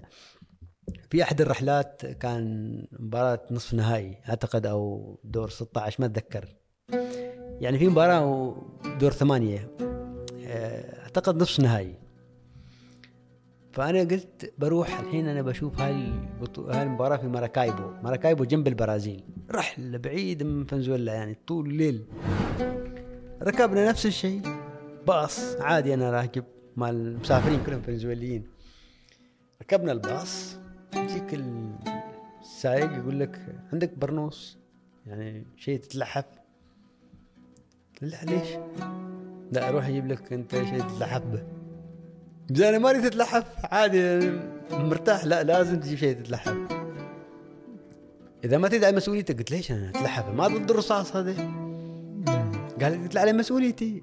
بعدين عرفت ثلج يعني الم- المكيف ثلج. مم. كل العالم مثل أنا ميت برد. وأقول له أبوي طفي المكيف يقول لي أنت ما أنت قلت ما تريد. شكله زاد المكيف عشان هيك. يأدبني أنا. أنا ما فاهم كل واحد شرب برنوس معي صغير يعني. هذاك ورحلة طويلة. وبعدين هناك طبعا تعرفت على مجموعة من الصحفيين الإسبان كريستينا كوبيرو. هذه مال برشلونة مشجع لبرشلونة. وتشتغل في الموندو ديبورتيفو واشتغلنا مع بعض. وكنا نتناقش مع بعض الصحفيين الارجنتينيين وهذه ونتناقش عن مباريات البطولة وما أعرف إيش. لما رجعنا كراكس حال المباراه النهائيه إحنا خلاص صرنا مجموعة أصدقاء من من مختلف دول العالم صحفيين وكذا ففي واحد أيضا إعلامي كان يسولف معي وكان عنده ربط مباشر قبل المباراة. أنا رايح الملعب بغطي يعني أنا داخل بطاقة إعلامي رايح الملعب. شفت عنده ربط مباشر هذا قبل المباراة بساعتين. ربط مباشر مع إذاعة أرجنتينية يتكلم معهم إن البط- المباراه اليوم وهذا ينقل كأن الوقائع حق إذاعة أرجنتينية. المباراه النهائيه هذه. المباراه النهائيه وبعدين شافني مار هو يعرفني طبعا فقال لي تعال آه، أريد أخذك آه، آه، مباشر مع الإذاعة نربط. قلت له okay. فيسألني المذيع في الأستوديو في الأرجنتين أنا ما أتذكر أي إذاعة أو أي مذيع يعني بس كنت يعني اي واحد صحفي وهذا قال لي مين بيفوز اليوم؟ قلت له بتفوز البرازيل. جن جنونه هذا كيف برازيل تفوز؟ وانت تقول حق اذاعه أرجنتين وتعرف التنافس اللي بينهم. ديربي عالمي؟ ومنتخب الأرجنتين منتخب قوي. أنا ما أشجع البرازيل أو الأرجنتين يعني أنا هيك ما رايح البرازيل أصلا. أنا أشجع ألمانيا ما لي علاقة بس أنا حسيت إن البرازيل لعبت بشكل أفضل وبتفوز. المهم دار بيني حوار وايد بيني وبينه هذا العماني يقول برازيل وخلى هذا ويقول الجمهور الحين بيعصب عليك انت إيش رأيك؟ أقول له عادي يعصب الجمهور الأرجنتيني أنا ما يهمني أنا أقول لك رأيي بعدين واحد مال Fox Sports قناة عالمية كبيرة Fox Sports طبعا سألني ليش بتفوز البرازيل؟ أنا اهتميت أتكلم تحليلي شخصي بعدني أنا ما دارس تدريب يعني بهيك هيك. بس طبعا اطلاع ومتابعة وهالأشياء قديمة يعني. قلت له تحليلي شخصي برازيل بتلعب بهالطريقة كذا كذا كذا كذا بيخلي البرازيل تفوز. قال لي زين أنا أريدك في الاستوديو التحليلي مال المباراة تكون ضيف معنا. نحن عندنا محللين كل شيء بس أنت تكون معنا ضيف. وتعطينا مداخلات يعني بين قبل المباراة بين الشوطين وبعد المباراة. وأنا عجبني هذا رأيك ونشوف إيش بيقولوا المحللين الآخرين. الحين. أنا بحلل المباراة النهائية مال كوبا أمريكا و Fox Sports واحدة من أشهر القنوات في العالم. قلت له طبعا أنا موافق. يعني عادي. دخلنا بدينا ال debate الحوار والصراع بيني وبين المحللين وأنا مصر ان البرازيل تفوز. وقال لي هذاك إذا هاي كلام مالك ما صار أنت ما تعرف شيء في كرة القدم حتى. لأن في عندنا اثنين أرجنتينيين كانوا وايد واثقين الارجنتين بتفوز طبعا هم حتى لو كانوا يعرفون برازيل أحسن ما يصير أرجنتين يقول لك برازيل أحسن. المهم لما فاز البرازيل سجلت الهدف الأول ثاني الثالث. أنا فرحت الحمد لله أنا أول مرة احلل قناه عالمية كبيرة. وطلعت على الأقل أفهم شيء. يعني زين. فهذه كانت الرحلة في فنزويلا. الموقف العجيب اللي صار هو يعني وأنا قاعد راجع أنا برجع عمان خلاص. في المطار طبعا عندنا هيك الأيام كاميرات أنا كنت أوثق أنا قلت هاي الرحلة بسوي documentary. أول مرة أفكر أسوي برنامج ثقافي أو فيلم وثائقي عن فنزويلا. لأن أنا تعرف حكم تشافيز كان وايد في صراعات سياسية في أمريكا تبى تتدخل بين قوسين الإمبريالية ضده. ناهيك عن الطبقية والتشدد الطبقية وال... والحياة في فنزويلا والانقلابات اللي صارت يعني في في البلد نفسه الاقتصادية. فقلت أنا خليني أسوي فيلم وثائقي عن البلد. آه حوارات أسجل هذا واشوف هذا واشوف هذا فشال كاميرا فيديو معي غير عن كاميرا آه، هذا اللي نصور فيها. ففرحان يعني جايب وموثق وايد أشياء. وللأسف أنا ما ما التقط صور وايد. شخصية. يعني في فنزويلا أنا كل الصور اللي كنت أبعثهن للجريدة يعني لتغطية البطولة أو مع المقالات أو شيء لكن ما كله معتمد على الفيلم الثقافي هذا الوثائقي. كنت أسوي فيلم بروحي اصنع محتوى فيلم وثائقي. ويناقش حتى كنت أتكلم مع امرأة في الشارع مع سائق تاكسي مع ما أعرف إيش مع واحد غني كيف يشوف الفقراء فيلم دخلت حتى هذاك الزون مال الإيطاليين اللي أصولهم إيطالي فنزويليين بس أصولهم إيطالية يعتبرون أنفسهم أوروبيين ما يحبوا يتداخلوا. وفي ناس منهم وايد طيبين ويريدوا يصير تعايش وعادي. وسياسيين أيضا فنزويليين اللي كانوا نحن نروح معهم في الملعب ما أدري شو موجودين امن الفنزويلي موجود في الملاعب سياسيين موجودين في الملاعب الأمن الفنزويلي كان في كل مكان موجود. جبل كي عندك واحد بطولة كبيرة بلد في حالة اضطراب فطبيعي تغطية أمنية كبيرة. المهم وصلنا المطار. خلاص أنا عاد رايح أموري okay. ما عندي أي مشكلة. ولا أتوقع بيصير شيء يعني ما okay. ومثل ما قلت لك العرب تسهيلات يدخلوا وايد سهل يعني تدخل فنزويلا. قبل ما نطلع الطيارة خلاص سوينا يعني دخلنا الشنط. فاك الحزام وتروح المفروض الطيارة. قبل ما تركب الطيارة أنت في في المطار في قاعة الانتظار يجوك اثنين يقول لك لو سمحت تقول يقول تعال معنا. عارف إن بلد أمني إيش بو بين هذا وأنا okay. بس طيارة؟ قال لا لا. هذا كله under control يعني. الطياره أنت بتلحقها عادي. في وقت. ما بنطول. رحت ودوني قبل نزلنا وين؟ تحت عند الطيارة ما تطلع. قبل من هنا الشنط يحطوها في هذه ال- العربات اللي توديها للطيارة. هناك يجمعوا شنط ويحطونها في العربات. قبل عن الطيارات قال هاي شنطتك؟ قلت له أيوه. فتح الشنطة. طلع الملابس. طلع الكاميرا. طلع الأشياء كلها. قال لي هذه اشياءك أنا قلت لك واحد بدا حط لي مخدرات أنا. أيوه أشياء هذه. هذا بدل مالي هذه الشنطة مال معجون مال حلاقة مال مال العطر الكاميرا الأشياء كلها مالك. قال لي أوكي. كل شيء سليم. له أيوه كل شيء سليم. ما فاهم أنا إيش الموضوع. قال لي خلاص وقع. أيش وقع؟ ورقة قرأتها بالاسباني أن أقر أن أنا كل اغراضي سليمة موجودة في الحقيبة كل شيء. وقعت أنا كلها صح سليمة ما عندي مشكلة فيها. موجودات كلها البدل موجودة كل شيء موجود. حطهن هو في شنطة رتبهن بكل هدوء. سكر الشنطة قفلها. قال إحنا نتأكد فقط. على اعتبار إنه إجراء أمني هذا. أمني. مم. رحت أنا. أنا ما فاهم إيش صاير يعني. رحت أنا طلعت الطيارة خلاص جيت وصلت عمان. واصل أنا المهم بعد سفرة طويلة مطار السيب كان مطار السيب اسمه مطار مسقط هيك الأيام. واصل ماسك الشنطة شنطة خفيفة شوية يا أخي أخف وزنها. أول ما نزلت الشنطة يعني. من. أمسك الشنطة كانها خفيفة قلت يمكن أنا بعد تقويت يعني. ما فاهم شيء. عادي ما أفتح في مطار ما مجرد الشنطة. وصلت البيت أفتح شنطة. بخلي الأغراض في مكانها يعني. كاميرا ما موجودة. بعض البدل الغالية ما موجودة. الحذاء إذا كان غالي ما موجود. أشياء. وأبويا. هي طريقة. اكتشفت للسرقة. يعني يعني كان فخ. فخ. هو يجيبك يقول لك كل شيء موجود. توقع له ورقة. تطلع طيارتك يفتح الشنطه ياخذ اللي يريده. يعني ما تقدر تشتكي. يسكر. ما كيف تشتكي؟ خلاص أنت موقع. أنت موقع كل شيء سليم. قبل ما نحط شيء أنت أمورك في السليم يعني طريقة سرقة ما طبيعية. هذاك عجيب. مم. الحين أنا ما مهم. أضحك على الطريقة. فيها عبقرية صراحة. أحزن لأن أنا الفيلم الوثائق روح كله. يعني شيء وايد متعب. زين أنت رجعت من فنزويلا. هذا كان تحديدا في اواخر 2007 آه، هل كملت مع استاد دوحة أم إنك؟ عقدي كان سنة وما جددته لأن ما جددنا لا أنا ولا هم لأن الفكرة إيش هي؟ في هذيك الفترة كانت انتخابات اتحاد عمان لكرة القدم. ولأول مرة عندنا تصير انتخابات اتحاد عمان لكرة القدم ويأتي رئيس منتخب.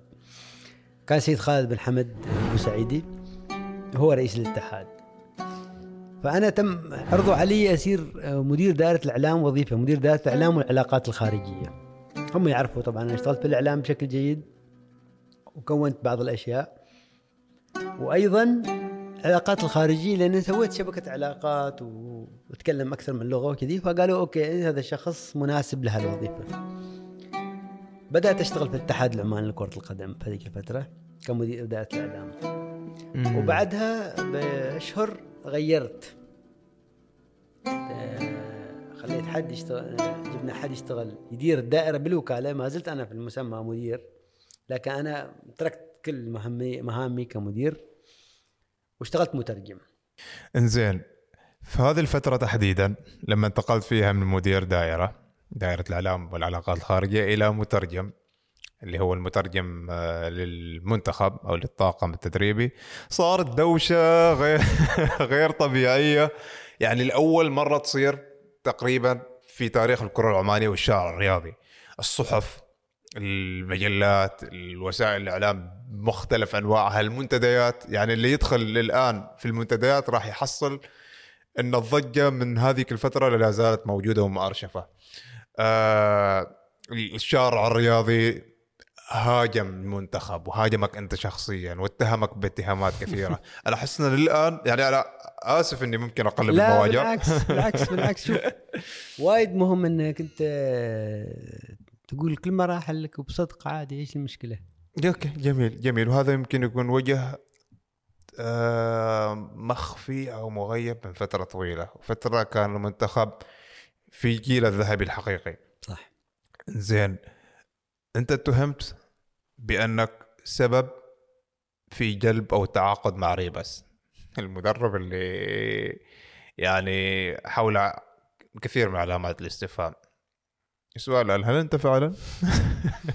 سبب؟ شوف هاي أنا أول مرة بقول التفاصيل بالحرف. و- وبعطيك كواليس كل شيء اللي صار. بالضبط.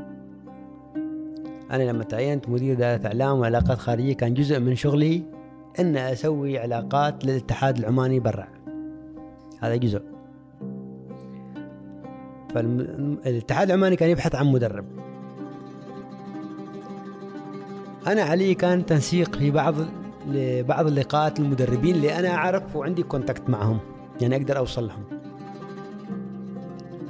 فكانت الفكرة إن نحن أسوي آه، أترجم آه، لقاءات الاتحاد أو مسؤولي الاتحاد مع المدربين هذول اللي ما يتكلمون إنجليزي مثلا. مدربين من إيطاليا من دول ثانية أو مدربين يتكلموا إنجليزي بس أنا عندي علاقات شخصية أقدر أجيب أرقامهم أحدد موعد نلتقي هذا الشيء. نحن ما حد يعرف اسرار نحن بنقولها الآن. نحن كان هدف الاتحاد العماني برئاسه السيد خالد يتعاقد مع مانويل جوزيه مدرب النادي الأهلي الشهير اللي حقق بطولات كبيرة مع الأهلي. ورحنا التقينا بمانويل جوزيه في فندق في مصر. هذا ما حد يعرفه من طبعا من شارع الرياض تقريبا وهي خبر ما حد يعرفه. مانويل جوزيه آه، كان متردد. ليش؟ عنده طبعا عقد مع النادي الأهلي وكيف يتركه وقصة طويلة عريضة. فما حسينا إنه هو وايد يعني يريد. وأنا كنت أترجم هذا اللقاء يعني آه، بالإسبانية شوية وهو يتكلم إنجليزي شوية هو يتكلم إسباني شوية هو برتغالي. ف هذا اللي صار. يعني أنا دوري كان شوف نوع تنسيقي. بعدين اتصلت أنا بلوثر ماتيوس بطل كأس العالم أسطورة منتخب ألمانيا. وحددنا موعد معاه عشان نروح يروح الاتحاد العماني ممثل برئيسه يجلس معاه ويشوف. ما كان السيد خالد يريد يختار هذا وهذا بس كذي هو يريد يشوف هالناس يلتقي فيهم. فحددنا موعد في ميونخ. في أحد فنادق ميونخ جلسنا مع لوثر ماتيوس ما حس هو السيد خالد إن لوثر ماتيوس وحتى أنا كنت موجود في الجلسة. أنا ما طبعا ما أبدي رأي كبير. ما لي رأي كبير في تعيين حد. أنا مش عضو مجلس إدارة.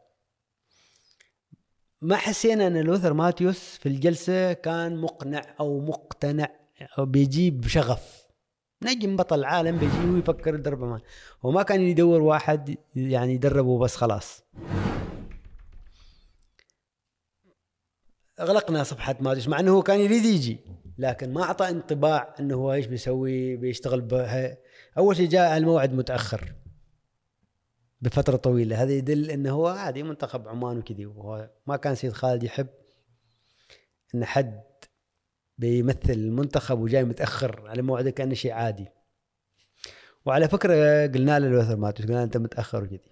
وبعدها طبعا خلص الاجتماع سافر سيد خالد. أنا بقيت في ميونخ. جلست مع ماتيوس وتكلمنا يعني. حتى أنا قلت له ترى إحنا مستائين. انت جيت متأخر صح؟ انت نجم وكل شيء بس ترى انت أيضا بلد هذا عمان انت يعني تتكلم عن عمان يعني ما أتكلم عن شخص. أنا لو رايح لك كنت متأخر ما عندي مشكلة. بس أنا جاي أمثل الاتحاد العماني لكرة القدم. ورئيس الاتحاد العماني لكرة القدم جاي نفس الشيء يمثل هذا البلد. هو اعتذر وإن أنا كان عندي كذا وظروف وما أعرف إيش ما حسينا مقنع يعني. في إيطاليا التقينا بزيمن. مدرب هجومي. أيضا نفس الشيء ما حسينا إنه هو وايد مقنع. الاتحاد العماني طبعا. أنا علي أنسق فهو بعدين الاتحاد العماني يختار إيش يريد طبعا سوينا جولة التقينا بماليزاني ومدربين آخرين طليان. وكان بحث عادي. لما جيت أنا هنا في عمان بعد فترة بس بأيام اتصلوا فيي من الاتحاد. قالوا لي تعال فندق الانتر كونتيننتال هنا في القرم. نحن جايبين المدرب ونريدك تترجم له. مدرب اسمه خوليو ريبس. يعني أنا ما نسقت شيء لأن أنا ما أعرف ريبس قبل ما يأتي ابدا. وهذه حقيقة وما حد يقدر ينكرها يعني إنه من الاتحاد العماني لكره القدم. الآن أتكلم عن شخصيات موجودة يعني وأحداث ما بعيدة يعني 2007 2000 نهاية 2007 بداية 2008 أنا دوري أترجم ك... لأن أنا اعرف اللغة الإسبانية هو مدرب من الاورجواي كان في هذيك عشان الحق يقال ولا أنا أعطيك تفاصيل ما حد ذكرها وغيبت. كان موجودين في الجلسة شخصين. رئيس الاتحاد العماني لكرة القدم ونائب رئيس الاتحاد العماني لكرة القدم هو الرئيس الحالي سالم الوهيب. هذول كانوا موجودين في الجلسة. جيت أنا وريبس كان عامل presentation عن كيف نبني منتخب وكاتب بعض اللاعبين ومذاكر دروسه بشكل جيد نظريا. نحن الآن نتكلم نظريا أنت كيف وأنا عليّ أترجم. يبدو أنهم تحمسوا في التعاقد معه لل presentation اللي قدمه. واللي شجع السيد خالد أيضا هو نائب رئيس نائب الرئيس. سالم الوهيبي. ثم بعد فترة أيام أعلنوا التعاقد مع ريبس. هذا دوري كان فقط في التعاقد مع ريبس ان رحت أنا انتر كونتيننتال وترجمت. إيش يقول؟ ريبس لهم وإيش الأسئلة اللي هم يطرحونها عليه؟ لأن من خلال وظيفتي كمدير دائرة إعلام والعلاقات الخارجية ما تسمح لي إن أكون في موقف قرار أرشح أخذ هذا ولا تاخذوا هذا. حتى تبدي رأي. لا طبعا أنا علي فقط أترجم. وهم ناس محترفين يعني يختاروا اللي يريدوه. وأنا رجل محترف ما أقول لا هذا ليش ما تأخذوا هذا؟ خذوا هذا بالقوة أو هذا أحسن لا. إذا طلب مني رأي أقوله. لما طلب مني مثلا من من تشوف من النجوم الكبار. أنا كانت الفكرة لوثر ماتيوس. ليش؟ أنا اللي رشحت لوثر ماتيوس. لأنه هو بطل كأس العالم. ونحن بنلعب تصفيات كأس عالم. الدنيا كلها أنظارها بتصير على عمان. أنت تعرف لما رونالدو الظاهرة يدربك؟ بطل كأس عالم. كل العالم بتشوف رونالدو الظاهرة. أنا كان تفكيري مختلف. أسوي ما يعني إذا جبنا ماتيوس غير ان أنا أحبه هو أسطورتي. ترى خليني أقول الأشياء بصراحة. لكن أنا ما أقول لهم ماتيوس أفضل واحد. هذا خيار متاح. تريدوا؟ أنا بنسق. قالوا okay خلينا نلتقي فيهم. يريدوا يشوفوا أكثر عدد عشان يختاروا من الأفضل. فكانت الفكرة عندي نجيب ماتيوس لأن ماتيوس آه، حتى بنستخدمه ك لوحات في الشارع. هو شال كأس عالم. يعني تسويق. وسائل الاعلام كلها بتعرف عمان. نفسيا للاعبين. كل شيء. بعدين أشياء أخرى فنية وأيضا إضافة لها المسائل جوانب فنية جوانب تدريبية أسطورة كل شيء. زي جميل. تم اختيار ريبس. تم اختيار ريبس. و... وريبس ترى شاف اني أنا أتكلم إسباني بطلاقة لما أترجم. كان يريد مترجم هو للمنتخب له للجهاز الفني كله. كل الجهاز الفني كان من أوروغواي. ستيفان خيستو بعدين جاء كان آه، حتى عمر بوراس جايبينه يعني اللي هو كان يدرب نادي فنجان زمان. آه، كلابيخو أوغو كيبيدو وايدين خوانشو وايدين يعني مجموعة كبيرة staff كامل. هنا ال- الجانب العملي مع ريبس يعني صار هذا أنا قلت بترجم ورحت رئيس الاتحاد قال لي okay أنت بتصير من مدير دائرة إعلام مترجم يعني كوظيفة شوي في فرق يعني. قلت له بنخلي حد بالوكالة. بدير أنا أعرف شخص اشتغل معي في مجلة النجم ويعرف كيف يعني يقدر يتعلم ويشتغل يدير السؤال الآن المهم ليش؟ يعني أنت بتترك وظيفة من منصب أكبر إلى وظيفة من منصب أقل. لأن أنا أحب كرة القدم أحب أكون داخل الملعب وشغل الإعلام وهالأشياء. ما كثير يستهويني. إعلام مهنة متعبة. متعبة جدا. وكرة القدم وأنا أكثر متعبة لكن المتعة فيها أنك أنت تحبها. يعني أنت كنت تريد تكون جزء في الميدان. بكون أشوف في الميدان الآن بنزل الملعب بنشوف صح أنا اترجم فقط بس أنا بشوف كل شيء. كل التفاصيل. ترى في غرف الملابس أنا أترجم. في الملعب في الفندق. بقترب من هذا الحب الكبير اقتراب وايد كبير. أقرب شيء بكون أقرب نقطة اللي هي إيش؟ إني أكون داخل الجهاز الفني. صح عضو ما مؤثر في الجهاز الفني فقط مترجم بس ما مشكلة. كل الأشياء اللي كنت أسويها تأتي إلى يعني قدريا توديني صوب كرة القدم. يعني مثلا حتى لما بديت كتابة كنت أريد أكتب عن كرة قدم لذلك سوينا مجلة نجم وسويت هذاك الكتاب وما أعرف إيش. بعدها مدير دائرة إعلام في الاتحاد العماني كرة قدم. أستاذ الدوحة اشتغلت لأن في كرة قدم. أنا ما كنت أغطي فورمولا ولا يهمني أصلا يصير فورمولا ما يصير فورمولا أنا مهووس كرة قدم. فهاي فرصة كبيرة إنك تكون داخل المعمعة. تشوف كل الأشياء. خصوصا إن المدرب ما يتكلم لغة غير الإسبانية يعني أنت صوت المدرب للاعبين.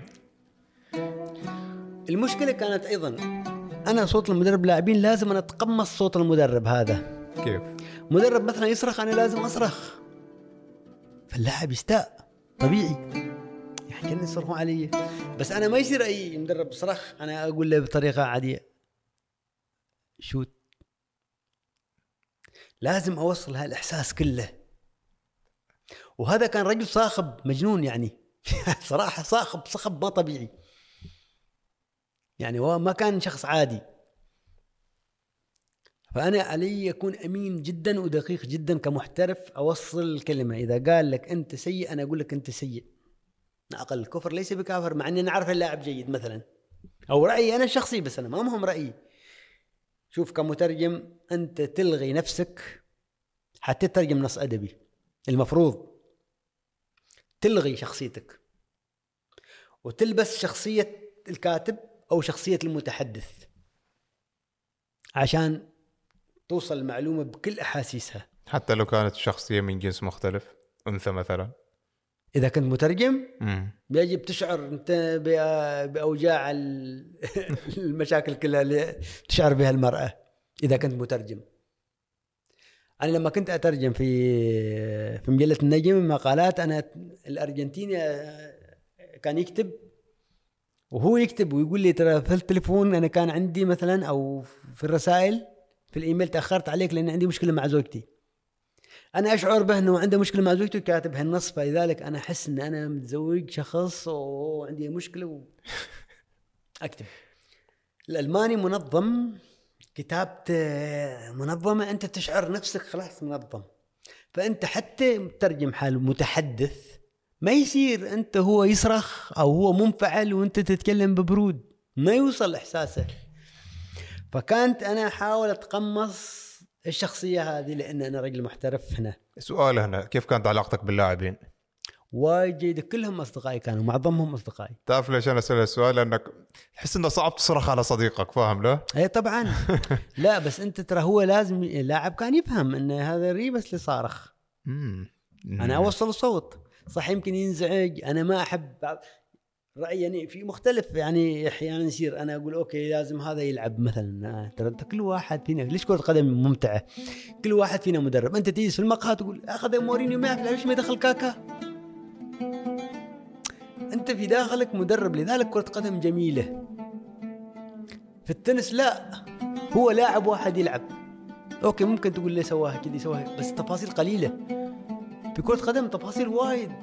دخل لاعبين لعب خطة غير سوي كذا سوي أنت تفتي وتصير جزء من اللعبة لا شعوريا وتنغمس وتصير منتمي لفريق وتحارب وتعصب وتغاير وكل شيء تسوي. زي هذه التفاصيل كلها تقودنا للحدث الأبرز اللي صار في هذيك الفترة اللي هي استبعاد بدر الميمني من المنتخب. خصوصا أن بدر في هذيك الفترة كان آه، من أبرز النجوم يشكل ثنائي واجد رائع مع عماد الحسني. آه، نفس الوقت يعني عنصر أساسي تقريبا في كل المباريات. فاستبعاد بدر خلق ضجة غير طبيعية. تمت اتهامكم باتهامات يعني لا صارت لا استوت وسائل الإعلام كلها تحدثت من صحف إذاعة تلفزيون. آه الوضع نوعا ما صار متوتر. آه طولب ريبس بالإقالة. بعدين تم استبعاد بدر الميمني. من ثم اعتزل دوليا يعني هذه الأحداث وفي فترة هي بعد تو تم تعيين الجهاز الاداري الجديد للاتحاد صح. من ضمن هذه الأشياء كلها أصابع الاتهام من الداخل والخارج تقول إن محمد البلوشي هو السبب في استبعاد بدر الميمني فهل أنت السبب؟ آه، أنا تكلمت في الموضوع طبعا لكن آه، اليوم بعطيك تفاصيل أكثر وبكون وايد صريح في المسألة. آه، أكيد طبعا أنا ما سبب لكن خليني أقول لك الأشياء كيف صارت بالضبط.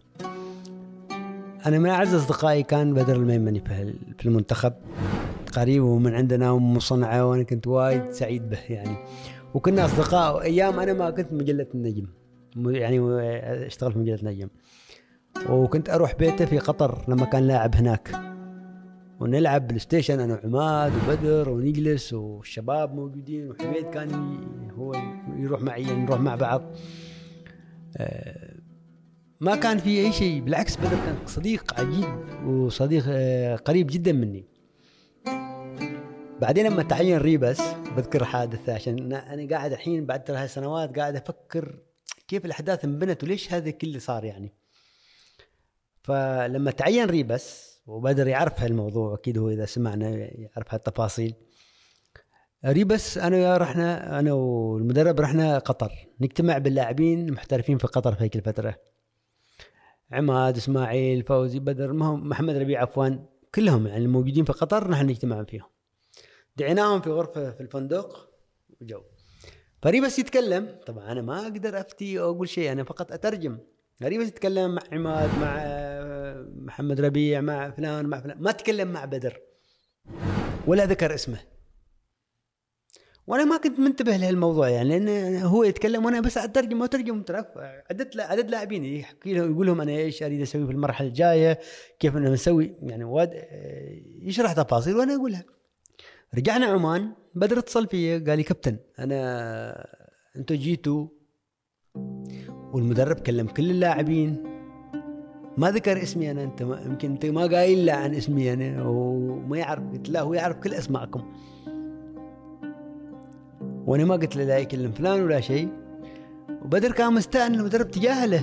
قلت له شوف بدر أنا بنقل هالكلام لريبس بقول له بدر استغرب كيف أنت ما تذكر اسمه؟ هو لاعب مهم في المنتخب أو حتى لو ما كان مهم.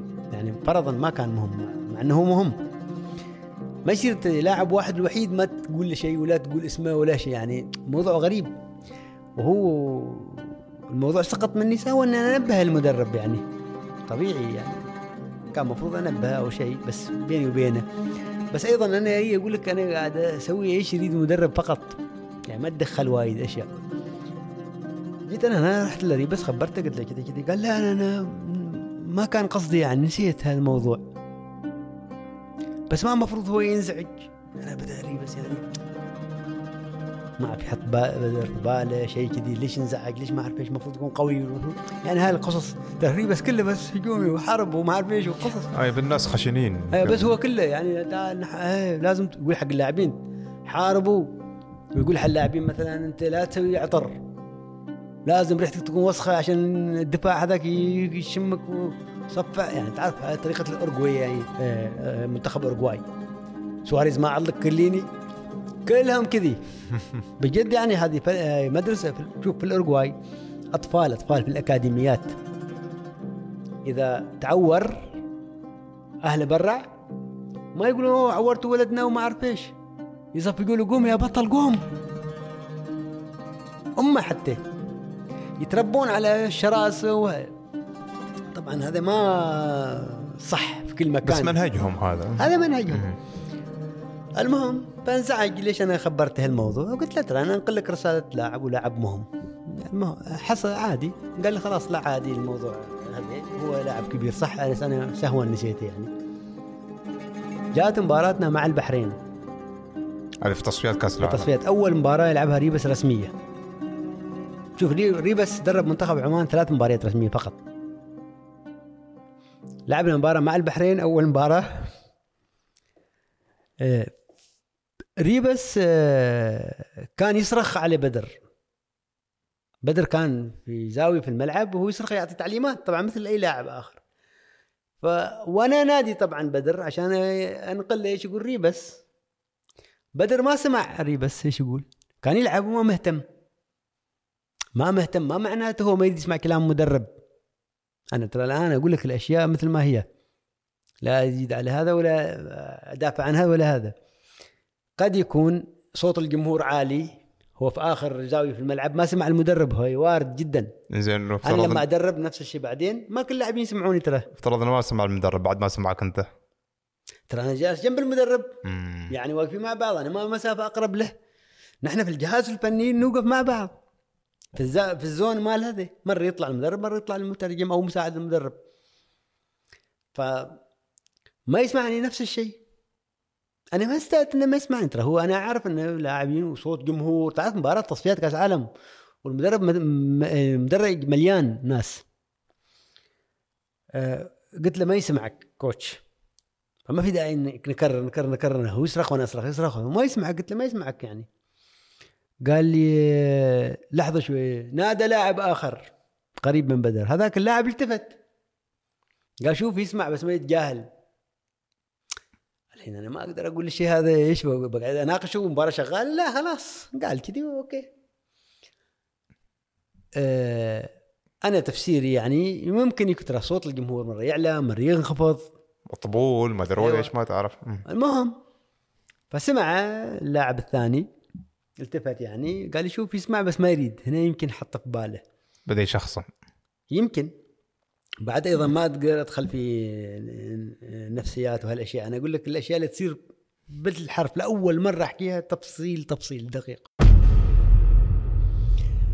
في هجمة لمنتخبنا كورة كانت مع بدر. أنا ريبس يعني آه، خلاني يعني أنشحن. هو مشحون. أنا لازم أكون مشحون. يعني ما تعرف الغوشه نحن ومنتخبنا خسران. كنا متأخرين بهدف أعتقد. وماشي وقت. ففي كورة بدر ضيعها. ضاعت كورة من بدر. أنا جنبي كرسي. عفويا شلت الكرسي. مش عشان هو بدر ضيعها لو يعني فوزي مضيع عماد بشوت الكرسي. حركة لا إرادية. كنا مشحونين منتخبنا يخسر. تشوف الجمهور تشوف ما أعرف إيه. هذا اللي صار فقط. وبس عادي يعني ما صار شيء آخر. بعدها آه، بأيام كنا في شنغريلا معسكرين قبل ما نسافر اليابان مباراة اليابان. قبل ما نسافر مباراة تايلاند عفوا. لما معسكرين هناك جاني بدر الغرفه قال لي كابتن أنا أريد أروح أتحلق. خذ لي إذن من المدرب. قلت له okay. عادي يعني الموضوع وايد عادي. الرجال يتنعم شوية. بالعكس آه، رجل أنيق جميل خليه يت- يتحلق. رحت قلت حق الكوتش قلت له كوتش بدر استأذن. ما عندنا ترى تمرين يعني ما عندنا شيء الحين. بعد التمرين هو ما يطلع بدر بدر رجل وايد ملتزم. بأمانة من المحترفين كبار في كرة القدم العمانيه جدا ملتزم. يا ريت يعني ياخذوا نموذج منه بعض اللاعبين. ف وقت ما في تمرين وجاي مستأذن وكل شيء. قلت- قال ليش يتحلق؟ هذا ليش يتحلق؟ خلي يسوي شعر كذي مجنون ويصبغه ويسوي ويسوي شكل ما هنود حمر يصبغ نفسه في المباراة الحين انت إحنا غير انت ثقافتك غير إيه كيف يصبغ؟ هنود حمر وما أعرف إيش. وشيل معه سكاكين وشيل معه كذي؟ وخلى قوي. لاعب موهوب. ما له علاقة يعني كيف ما ضرب كل شيء. يعني. ورجل انيق بدر رجل انيق بعدين ضحك هو بروح عليه بس قال خليه يروح. يعني ما أعرف هو يمزح ما تعرفه هو مجاد. بعدين ضحك قال خليه يروح. هو راح بدر. جينا في قبل ما يصدر لاي... آه، لستة مال اللاعبين قائمة اللاعبين اللي بتسافر تايلاند. بيشيل مع يمكن 25 لاعب أو شيء كذي. طبعا هو جرب وايد لاعبين ريبس. من أكثر المدربين اللي جربوا لاعبين. وطلع لاعبين على فكرة. يعني ناس لاعبين دخلوا المنتخب سعد سهيل آه، من اسمه حسن ربيع. جابهم ريبس. هذا حق يقال كان يجرب عدد كبير من اللاعبين. وهي يمكن ما سوى أيضا استقرار في المنتخب. ترى أنت نفس الشيء ما ما تقدر أنت تجرب بس كذي وتجيب مجاميع 50 لاعب. أنت داخل تصفيات أصلا. أيوه. فسوى لستة وقال لي هاللسته هو يعطيني إياها عشان نعطيها آه، دائرة الإعلام في الاتحاد وننشروها الصحافة. هذا الليست اللي اللاعبين. ما فيها بدر الميمن يعني تفاجأت. يعني كمان بدر لاعب كبير. على الأقل تخليه احتياط إذا ما تريد تشيله يعني خطأ تخليه ما في التشكيل. بس أنا ما أقدر أقول شيء. استبعده هو تماما؟ استبعد من التشكيلة هذه. أنا سألته سؤال للأمانة. وأي واحد بيتواصل معي يوم من الأيام واشوفه أو شيء ما أعرف يسأل نفس السؤال. أنا سالته سؤال بالحرف قلت له ليش بدر ما موجود؟ طبعا قلت له أنا انك كوتش أنا بس عندي فضول. أنا ما أعقب أو أتدخل في شغل مدرب أو شيء. لأن هاي شغلة. فضول قلت له أنا عندي فضول. ممكن؟ قال ليش؟ قلت له ليش بدر ما موجود في القائمة؟ قال لي بدر مستبعد هذه المباراة فقط. بنلعب بأسلوب لعب مختلف مع تايلاند. ما بحتاج في بدر في هالمباراة فباخذ لاعب له okay. طبعا ما أقدر أقول لا غلط خذه ما خذه. هذا موضوع هنا أنا ما أقدر أناقش. زي الآن بعد هذه الخبرات وبعد ما درس تدريب وكله هل تعتقد إنه كان قرار صائب أم إنه؟ أنا أشوفه ما صعب أنت مدرب جديد. والوضع محتقن. أنت ما تريد تلاعبه خلي معك احتياط عادي إيش المشكلة؟ في مباراة ما تريد تستخدمها خلي. أنت أيضا ممكن ممكن تغير طريقة لعبك فجأة ما تعرف ظروف المباراة إيش تصير وتحتاج لاعب مثل بدر صانع ألعاب. لكن في النهاية أنت ما تقدر تقول شيء. حتى بدر نفسه الآن صار مدرب. يعرف إن صعب تناقش مدرب في قراراته خاصة أنت مترجم يعني مش مساعده. وايد صار لغط. الآن حتى بعض الإعلاميين يعرفوني على حد يقولوا كان محمد مش كان هو مدر مساعد ريبس. أنا ما مساعد ريبس. مساعد ريبس خوان خوسيه. وعنده عقد في الاتحاد العماني موثق وكان هو يشتغل واللاعبين يعرفون إنه هو مساعده. أنا كنت مترجم فقط علي أنقل. إيش يقول المدرب للاعبين فقط؟ وإيش يقولوا اللاعبين للمدرب؟ بكل أمانة وبكل احترافية. يتوافق مع رأي شخصية ما يتوافق هي موضوع آخر. المهم طالعين آه أنا قبل ما شفت هاني الضابط فجأة وهاني يعرف الموضوع قلت له هاني غريب استبعد بدر. قال لي هاني ما معقول؟ قلت له معقول.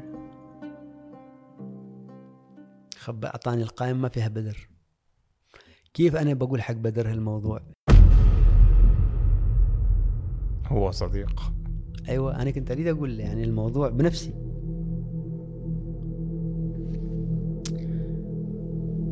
أنا رحت كلمت بدر قلت له بدر أنت مستوى بدر؟ طبعا ما صدق يعني انصدم صدمة كبيرة. رجل ملتزم آه، في مستوى جيد. جزء أساسي من هالفريق يعني ثقيل الجيل الذهبي. بدر واحد من الناس اللي من اللاعبين المهمين جدا. في مرحلة فيها كرة قدم عمانية في أوج عطائها كانت.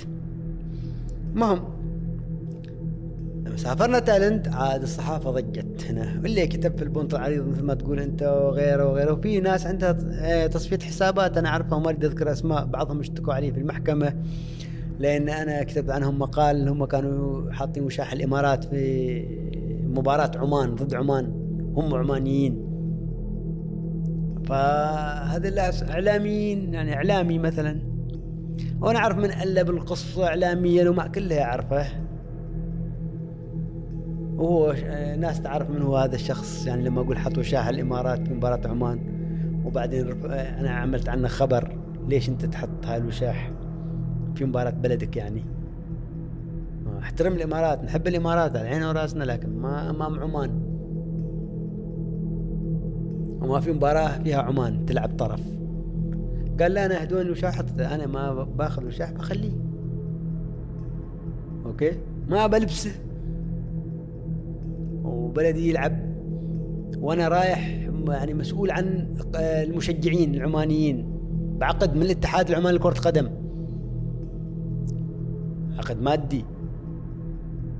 المهم جاء هنا قال شهرت فيه وسوى سوى قضية ورفع لي قضية طالب ب ألف ريال نص مليون ريال عماني. كيف أنت تستخدم صورتي في هذه المسألة؟ طبعا بعدين القضية هو خسرها لأن أصلا أنا صورتك في ملعب ما مصورك في مكان خاص وأنت شخصية عامة. وأنا ما كتبت شيء كتبت آه، جميل الوشاح الإماراتي. أنت إذا تعتبر هذا الفعل خطأ ليش تسوي؟ إذا تعتبره صح إذا ما عندك مشكلة. بسيط المسألة يعني أنا كنت ذكي أيضا في كتابة الموضوع. فهذا وغيره سووا ضجة كبيرة واتهموني يعني زقوني زق في موضوع بدر. زين لو نرجع بس لل... في مباراة البحرين أنت لما شدت الكرسي. هذا اللي بدر يعني حس فيه قالوا له هذا شات الكرسي وكان ضدك أنت؟ كنا متحامل عليك متحامل. عليك. وما أعرف إيش وهو هالقصة نسجوها وكبروها كبرت. وبدر أنا في تايلاند آه، التقيت يعني جاني في في مطعم الفندق عماد واسماعيل العجمي المستائين طبعا أصدقاء بدر يحبوا بدر. قالوا لي كابتن كيف كذا الحين بدر؟ وضعه كيف؟ قلت له بدر مستبعد هذه المباراة فقط هذا اللي بلغني المدرب. ما مستبعد نهائيا. هني طبعا صارت ضجة وبدر بعيدة منقطع ما هو توصل لها الاخبار انه مستبعد مباراه واحدة وما أعرف إيش وهالأشياء كلها. طبعا الإعلام وما إيش يعني لاعب طبيعي يتأثر. فبدر اتهمني أنا في الإعلام إن أنا جزء من إبعاده إنه ما لقى تفسير آخر. وهني طبعا مثل ما قلت لك الإعلام ساهم بعض الإعلاميين بين قوسين ما كل الإعلام ساهموا في تأجيج هاي القصة. وأنا لما رجعت رديت عليه في الصحافة أيضا مم. وقلت نفيت عن الموضوع وقلت هذا يعني كذب صار. صدام صار بين صدام. بين صديقين يعني وهذا شيء محزن لكن هنا شوف أنت لما سألتني سؤال الأول إيش صداقة؟ أيوه هذا الموضوع يبين حجم الصداقة شوف هالخلاف والصدام المصيري يعني رجل آه، طلع من المنتخب المفروض هذا يقطع علاقته حتى لو وانت رديت عليه في الإعلام وصارت مناوشه وبعدين ريبس أيضا خذ قرار إنه ما يودي حتى مباراة اليابان ويبعد نهائيا لأنه شاف الموضوع كبر في الإعلام. فبدر اعلن اعتزال ردة فعل أيضا. اعتزال دولي وكان- أيوه اعتزال دولي. استاءوا الناس أكثر. خسرنا مع اليابان صار ضغط على ريبس وايد كبير. وعلى الاتحاد العماني لكرة القدم ضغط ما طبيعي. لأن أول مرة في عمان تصير انتخابات فكان أي طرف ضد أي طرف وشعل المسألة بطريقة وايد هستيرية. ما متعودين ترى نحن كذي واحد يخسر واحد يفوز. نحن كنا متعودين واحد يعينونه وخلاص كل حد يسكت. في هذيك الفترة. لكن أول ممارسة للديمقراطية تحولت لفوضى. طبيعي بس يبقى إن التدافع طبيعي أيوة. كان. إيه طبيعي ترى هي تجارب تتطور. بس حدث هالأشياء في هيك الفترة يعني وهذا اللي ساهم في تأجيجها بشكل كبير. حتى في بعضهم عندهم آه، يعني اعتراض شخصي أو عداء شخصي مش عداء طبعا. عندهم مثل ما تقول آه، كانوا ضد رئيس الاتحاد بشخصه إيش كان موقف سيد خالد؟ سيد خالد رجل أثبت إنه جدا محترف في هالأزمة. قال بالحرف أنا ما أحب آه، إن بدر يطلع من المنتخب. لكن أنا مستحيل أقول حق مدرب سوي كذي أو لا تسوي كذي. شغلك أبداً. شغلك. شغلك شغلك وشغلي شغلي. لكن آه، نفسيا ورأيي أنا لا. نحن بنحاسب بالنتائج. متى ما يصير تجيب مدرب تقول له سوي 1 2 3 دخل فلان لا تطلع فلان. هذا احتراف. كان جدا محترف. عكس حتى عكس قناعاته. وفعلا أنا التقيت فيه وقال إنه هو ما ما شايف هاي الف- هاي الفكرة إنه يبعد بدر يعني شيء شيء جيد. زين وإيش كان موقفه من المدرب؟ ترى المدرب بعد ما خسر هو ما كان يريد يقيل المدرب بشكل هو يعني كفكرة سيد خالد عنده فكرة إيه، إن نحن كمؤسسة ما نقيل المدرب بس أي كل يوم نبدل المدرب شهرين مدرب شهرين مدرب هاي الفكرة عنده موجودة بشكل عام. لكن في حالة ريبس الوضع مختلف. الوضع زاد عن حده. انت ما يصير تصير في صدام مع كل شيء. وهذا عرف كرة القدم. لما تصير مشاكل كثير تضحي بشخص ما تقدر تضحي بفريق. أو منظومة. أو منظومة أو شيء. فأنا أتذكر اتصل فيا حتى شوف أنا قلت حق اللاعبين أنا أتذكر في الطيارة عشان بعد ما حد يقول أوه لا كان قايل كلامه والحين ما يقول. أنا أقول بالحرف. وبكل صدق مثل ما قلت لك أنا كنت متشرد بكل صدق بقول لك كل شيء بكل صدق. أنا جمعت بعض اللاعبين قلت لهم إذا سألكم الاتحاد العماني كرة قدم رفضوا. موضوع التدخل في إقالة المدرب. ليش؟ أنا كنت أريد اسس أو نحن كنا نريد نأسس لقاعدة ما اللاعب يتحكم في المدرب في بقى يصير مدرب وهذه مصيبة إذا صارت. أنا قلت هالكلام لبعض اللاعبين فعلا. ما من باب انه كنت احمر ريبس وريبس أحسن واحد لا. من باب الفلسفة نفسها. أنت ما يصير مدرب كرة قدم يدربك مثلا يجي لاعبين أو ثلاثة أو حتى لو كانوا مستائين يتحكموا في مصير المدرب لأنه باكر بيستاون آخرين المدرب الجديد بي. وبنظل كذا بهالطريقة اللاعبين يتحكموا في المدرب مش المدرب مش العكس. ما بنأسس لشيء جيد. فالناس تعتقد أنا لا قلت أريد أبقى- يبقى ريبس يبقى. بس يعني وبالمطلق لا ما صحيح هالكلام. لأن السيد خالد نفسه رئيس الاتحاد العماني لكرة القدم لما قال لي في آخر ليلة قبل إقالة ريبس هم اجتمعوا الاتحاد العماني مع اللاعبين واللاعبين أبدوا مخاوفهم من طريقة ريبس. قالوا نحن هالطريقة طريقة لعب دفاعية ما تناسبنا اسلوبه صعب مع اللاعبين وايد أشياء. وهذا خطوة سواها الاتحاد. بعدين قال لي سيد خالد في ضغط وايد كبير على ريبس. ونحن أيضا ما ضد الجمهور أو ضد اللاعبين أو ضد حد. صحيح نحن ما نريد نقيل ريبس ولذلك الحين هالقرار أنا لازم أتخذه هو رجل يتخذ قراراته. أتخذ قرار. أنا ما أريد اقيل مدرب يقول. أي مدرب كان. لذلك هو تع- تعب الناس وهو معلق وين. الناس كانت تبغى اقاله وين؟ كل يوم كل يوم. بس هو الفلسفة عنده مختلفة إنه لا لازم نعطي فرصة للمدرب. فترات طويلة عشان ما يصير يعني تقيم مدرب بسهولة. أنا شخصيا كتبت مقالة ضد لوجوين. يعني ما أقول لك الحين أنا دافع عن سيد خالد أو غيره وكذي. لكن هاي قناعة عنده في سياسة الإدارة إنه لا أعطي مساحة حال الناس تشتغل وبعدين تقيم. عشان على الأقل تقدر تشوف نتائج. لكن وضع ريبس كان سألني سؤال قلت له تبغى وجهة نظري الشخصية؟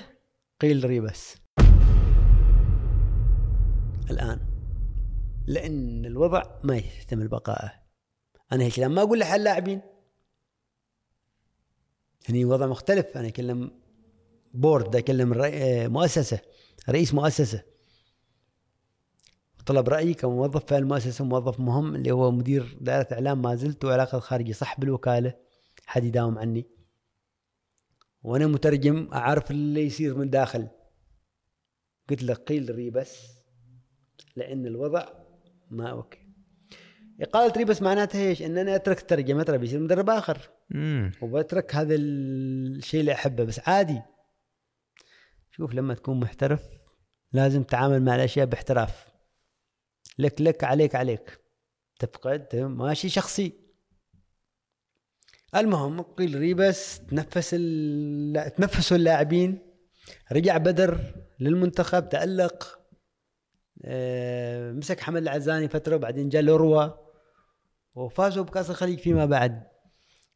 أنا علاقتي ببدر يعني أروع شيء الحين. زي كيف رجعت العلاقة بينكم؟ آه مرة شوف نحن فاك فترة كلها ما نتواصل يعني. خلاص يعني انقطعت العلاقة شكل بشبه نهائي. يعني حتى مسجات ما في ما في اتصالات ما عندنا أصدقاء. ف مرة لكن المعزة والذكريات تبقى ترى بالنسبة لي أنا وبالنسبة له يمكن نفس الشيء. فمرة آه، أنا رايح مدريد. ففي الطيارة فجأة أشوف بدر ومعه مجموعة من أصدقائه. سلمت عليه سلم علي سلمت عليه. وما كنا نتكلم. حتى هو أول ما شافني كان مبتسم بأمانة. وأنا كنت أريد ألتقي فيه. عشان في صورة لازم توضح له. بس أنا ما بادرت دورت تعال بنجلس وكذي لا. جات هاي صدفة قلت هاي صدفة فقلت له تعال بنجلس مع بعض. وين رايح قال رايح مدريد هو شجع ريال مدريد ورايح يشوف مباراة. كلاسيكو ريال مدريد برشلونة. هو رايح يشوفها. وانهزموا بعد ذيك الفترة أيوه أتذكر. فكلمني شوي عن مدريد وكذي. فقلت تعال تعال لأن في موضوع لازم نحن نفتحه. اللي حدث كبروا الناس أنا مالي علاقة أنت ما أنت عارف أنت لاعب. تفهم هو الموضوع تفهم يعني ورجعنا أصدقاء وكل شيء انتهى يعني في هيك الجلسة. يمكن ما طولت شوف كل هذاك الصخب خمس دقائق خلص كل شيء. هنا نرجع لموضوع الصداقة اللي بداية نرجع. لموضوع الصداقة لموضوع أيضا أخلاق الإنسان. بدر رجل رائع جدا. بصراحة. الآن كيف علاقتكم؟ جدا قوية. شوف بدر من الناس ال- يعني مختلفين بين لاعبين. في لاعبين ترى كل واحد له ميزة عماد عنده ميزة طلال خلفان عنده ميزة بدر عنده ميزة. بدر الناس اللي تحب تتعلم يبحث عن معرفة. أحيانا يرسل لك مسج فجأة يقول لك كابتن آه، في كذي كذي جوارديولا سوى كذي كذي إيش رأيك في هالموضوع؟ يعني شوف يعني هو يصير مدرب الحين هو مساعد مدرب وصار مدرب فترة في نادي بنجاب دائم البحث. وهذا ما تلقاه مع وايدين. يعني حتى يقول لك أنا أريد بعض الأشياء اللي يريد يفهم. كيف كلوب يفكر كيف جوارديولا يفكر. رجل يشتغل على نفسه مهتم يسافر يحضر مؤتمرات يدور. مرة يتصل بك شوف من المواقف. فجأة كيس الساعة 12 بالليل 10 تلقاه يسوي لك message. أقول لك أنا أريد استنى مصلح بس كذي أقول لك أنا اريد سبوره كبير هذيك مال التكتيك وين بحصل هذه؟ أقول بدر أنا ما أعرف وين بتحصلها سبوره كيف شكلها؟ أعطيه مثال لا ما هذه يقول في سبوره غير يعني يريد سبوره وايد فيها options. يعني رجل مهتم جدا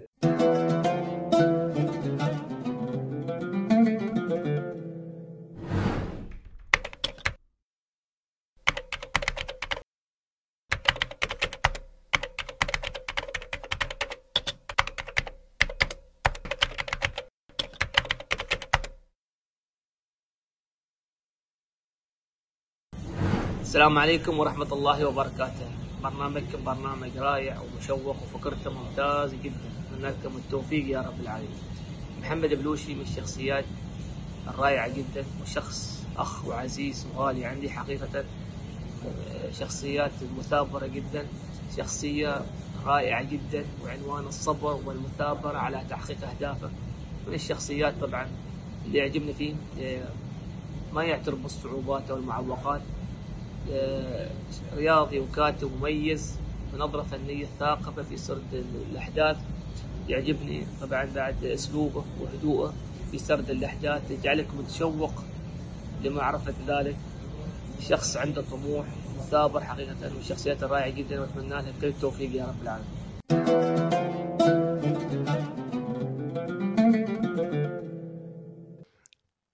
هنا كانت تقريبا في أواخر 2008 أو بداية آه، بداية لا في 2008 أيوه في في 2000 أواخر 2008 شيء كذي. بعد ما رجعت ل رجعت مرة ثانية مدير إدارة إعلام. مم. لكن هنا أنا جاتني أفكار أخرى. تعرف يعني هذا الراس كل يوم تيله سالفة. قلت أنا الحين لازم أتعلم أد- أدرس تدريب. تدريب كرة قدم. خلاص كأنك تحددت شغفك. خلاص أنا عرفت الآن إيش أريد بطريقة أوضح. إيش أريد من كرة القدم نفسها. فلازم الحين أنا أشوف مكان أدرس فيه. جاء في بالي أول شيء إسبانيا. كون أنا أروح وعندي سكن هناك وعندي أصدقاء وعندي معارف وعندي كل شيء. وأعرف ناس حتى من اتحاد إسبانيا. بعدين أو إيطاليا لأن المنهج الإيطالي في التدريب وايد عجيب. ليش ما تعلمت هنا مثلا؟ أقرب لك أوفر منهج لك؟ المنهج الاتحاد الآسيوي للأسف اللي يدرس هنا ما ما جيد. أنا مرة كنت مساعد محاضر هنا بعدين فيما بعد يعني. فسألت المحاضر إيراني كان. قلت له كابتن هذا المنهج متى مسواه؟ قال لي المنهج مسواه في 1986 وتم تجديده في 1996 وين إحنا أنا هذا الكلام أتكلم عن 2014 2015 يعني جدا بدائي. ويعني ما يدرس شيء يعني ما يساعدك شيء ما تفهم شيء ما يعلمك شيء جديد قوي يعني. بعض الأشياء أوكي جيدة فيه. هذه الفترة كنت أريد منهج قوي أو مدرسة كبيرة أستفيد منها. وشوف من الصدف الجميله ترى أنا رايح برازيل صدفة أصلا. ما مخطط أروح البرازيل قلت لك خياري الأول كان إسبانيا والثاني إيطاليا. إسبانيا بحكم العلاقات والأشياء والموجود والسكن وكل شيء. إيطاليا لأن المنهج جدا قوي الايطالي أقوى منهج في العالم المنهج الإيطالي في التدريب. يهتموا كثير بتفاصيل التكتيك. أنت رحت. إيطاليا فيما. بعد؟ رحت إيطاليا فيما بعد. فيما بعد لكن هذا كنت أريد أدرس تدريب هناك. مم. بالصدفة ترى يتواصلوا معك صحفيين برازيليين أرجنتينيين ناس. واحد صحفي كان يريد يراسل لي خبر. هذا كان يشتغل معنا أول يعني فترة يراسلنا يعطينا معلومات أنا أسميها كواليس. ما أقول اسمه. يعطيني بعض القصص. عنه ونحن نحطها طبعا كمصدر. فمرة راسل لي خبر عادي. يعني دائما متعود يرسل لي أشياء. يقول لي الاتحاد البرازيلي الآن فهذه السنة بينظم دورة خاصة في التدريب. ليش خاصة؟ بمناسبة ما أدري مرور كام أو شيء ما أعرف إيش عندهم يعني. آه الاتحاد البرازيلي للمدربين بينظم دورة خاصة فيها آه كارلوس ألبرتو توريس بيحاضر. بطل كأس العالم كابتن على بيليه واحد من أساطير كرة القدم. واحد من اختار الفيفا واحد من أفضل 11 لاعب في التاريخ في تشكيلة القرن يعني. الظهير الأيمن هو كارلوس البرتو توريس. وهو أول واحد شكل مفهوم الظهير العصري اللي يتقدم مسويه. أول واحد هو بالطريقة الحديثة كارلوس البرتو توريس. مهم. وغير كذي آه، المنهج يعني بيكون وايد الدراسة بتكون وايد مكثفة. فبتكون في وقت ما وايد طويل. ترى أنت عشان تطلع ال Pro يبالك سنتين. عندك C B A Pro professional أنا خلاص قلت أنا هنا والرسوم قلت له سألته قلت له زين طيب تقدر تسأل لي كم الرسوم مني منك؟ اريد اعرف ما كانت رسوم سهلة بس أقل شوية من إسبانيا. قلت أنا بس هناك بدرس في إسبانيا الميزة أنا عندي سكن أقدر أرجع وأسكن وكل شيء وما عندي مشكلة وعندي أصدقاء وايد وعندي كل شيء. يعني كأنها بلدي سايرة. تتقن لغتهم. كل شيء كل شيء. البرازيل والدراسة لغة- بتكون مم. بالإسبانية هناك بتكون بالبرتغالية. هاي كأنك بتضطر. أتعلم لغة أخرى. صح صعوبة بس أيضا ميزة بتع... تكتسب لغة أخرى. هذا بروحها فيلم بتشوف بلد جديد مغامرة كبيرة أخرى. فخلاص قررت أدرس في البرازيل. لكن هذا القرار يحتاج إنك تترك وظيفتك في الاتحاد فورا بعد؟ ويحتاج إنك تجهز فلوس. ما تعرف إيش بيصير. أنت داخل مغامرة كبيرة. أنا عندي فلوس خلاص أنا مدير وكل شيء وأشتغل وما عندي مشكلة. لكن بينقطع الراتب بعدين أنت ما تعرف حجم الفلوس اللي بتصرفها وحتى لو صرفت وتخيل إنك أنت ما تنجح. بترجع نقطة الصفر من بدايتك. ضيعت عد يعني مبلغ كبير مجمعنا انت وما استفدت شيء. كيف دبرت المبلغ؟ أنا بعت سيارتي. وكان عندي مبلغ وبعت سيارتي أيضا. وبعت أثاث الشقة وسلمت الشقة لأحد الأصدقاء وقررت أروح هاي المغامرة الكبيرة.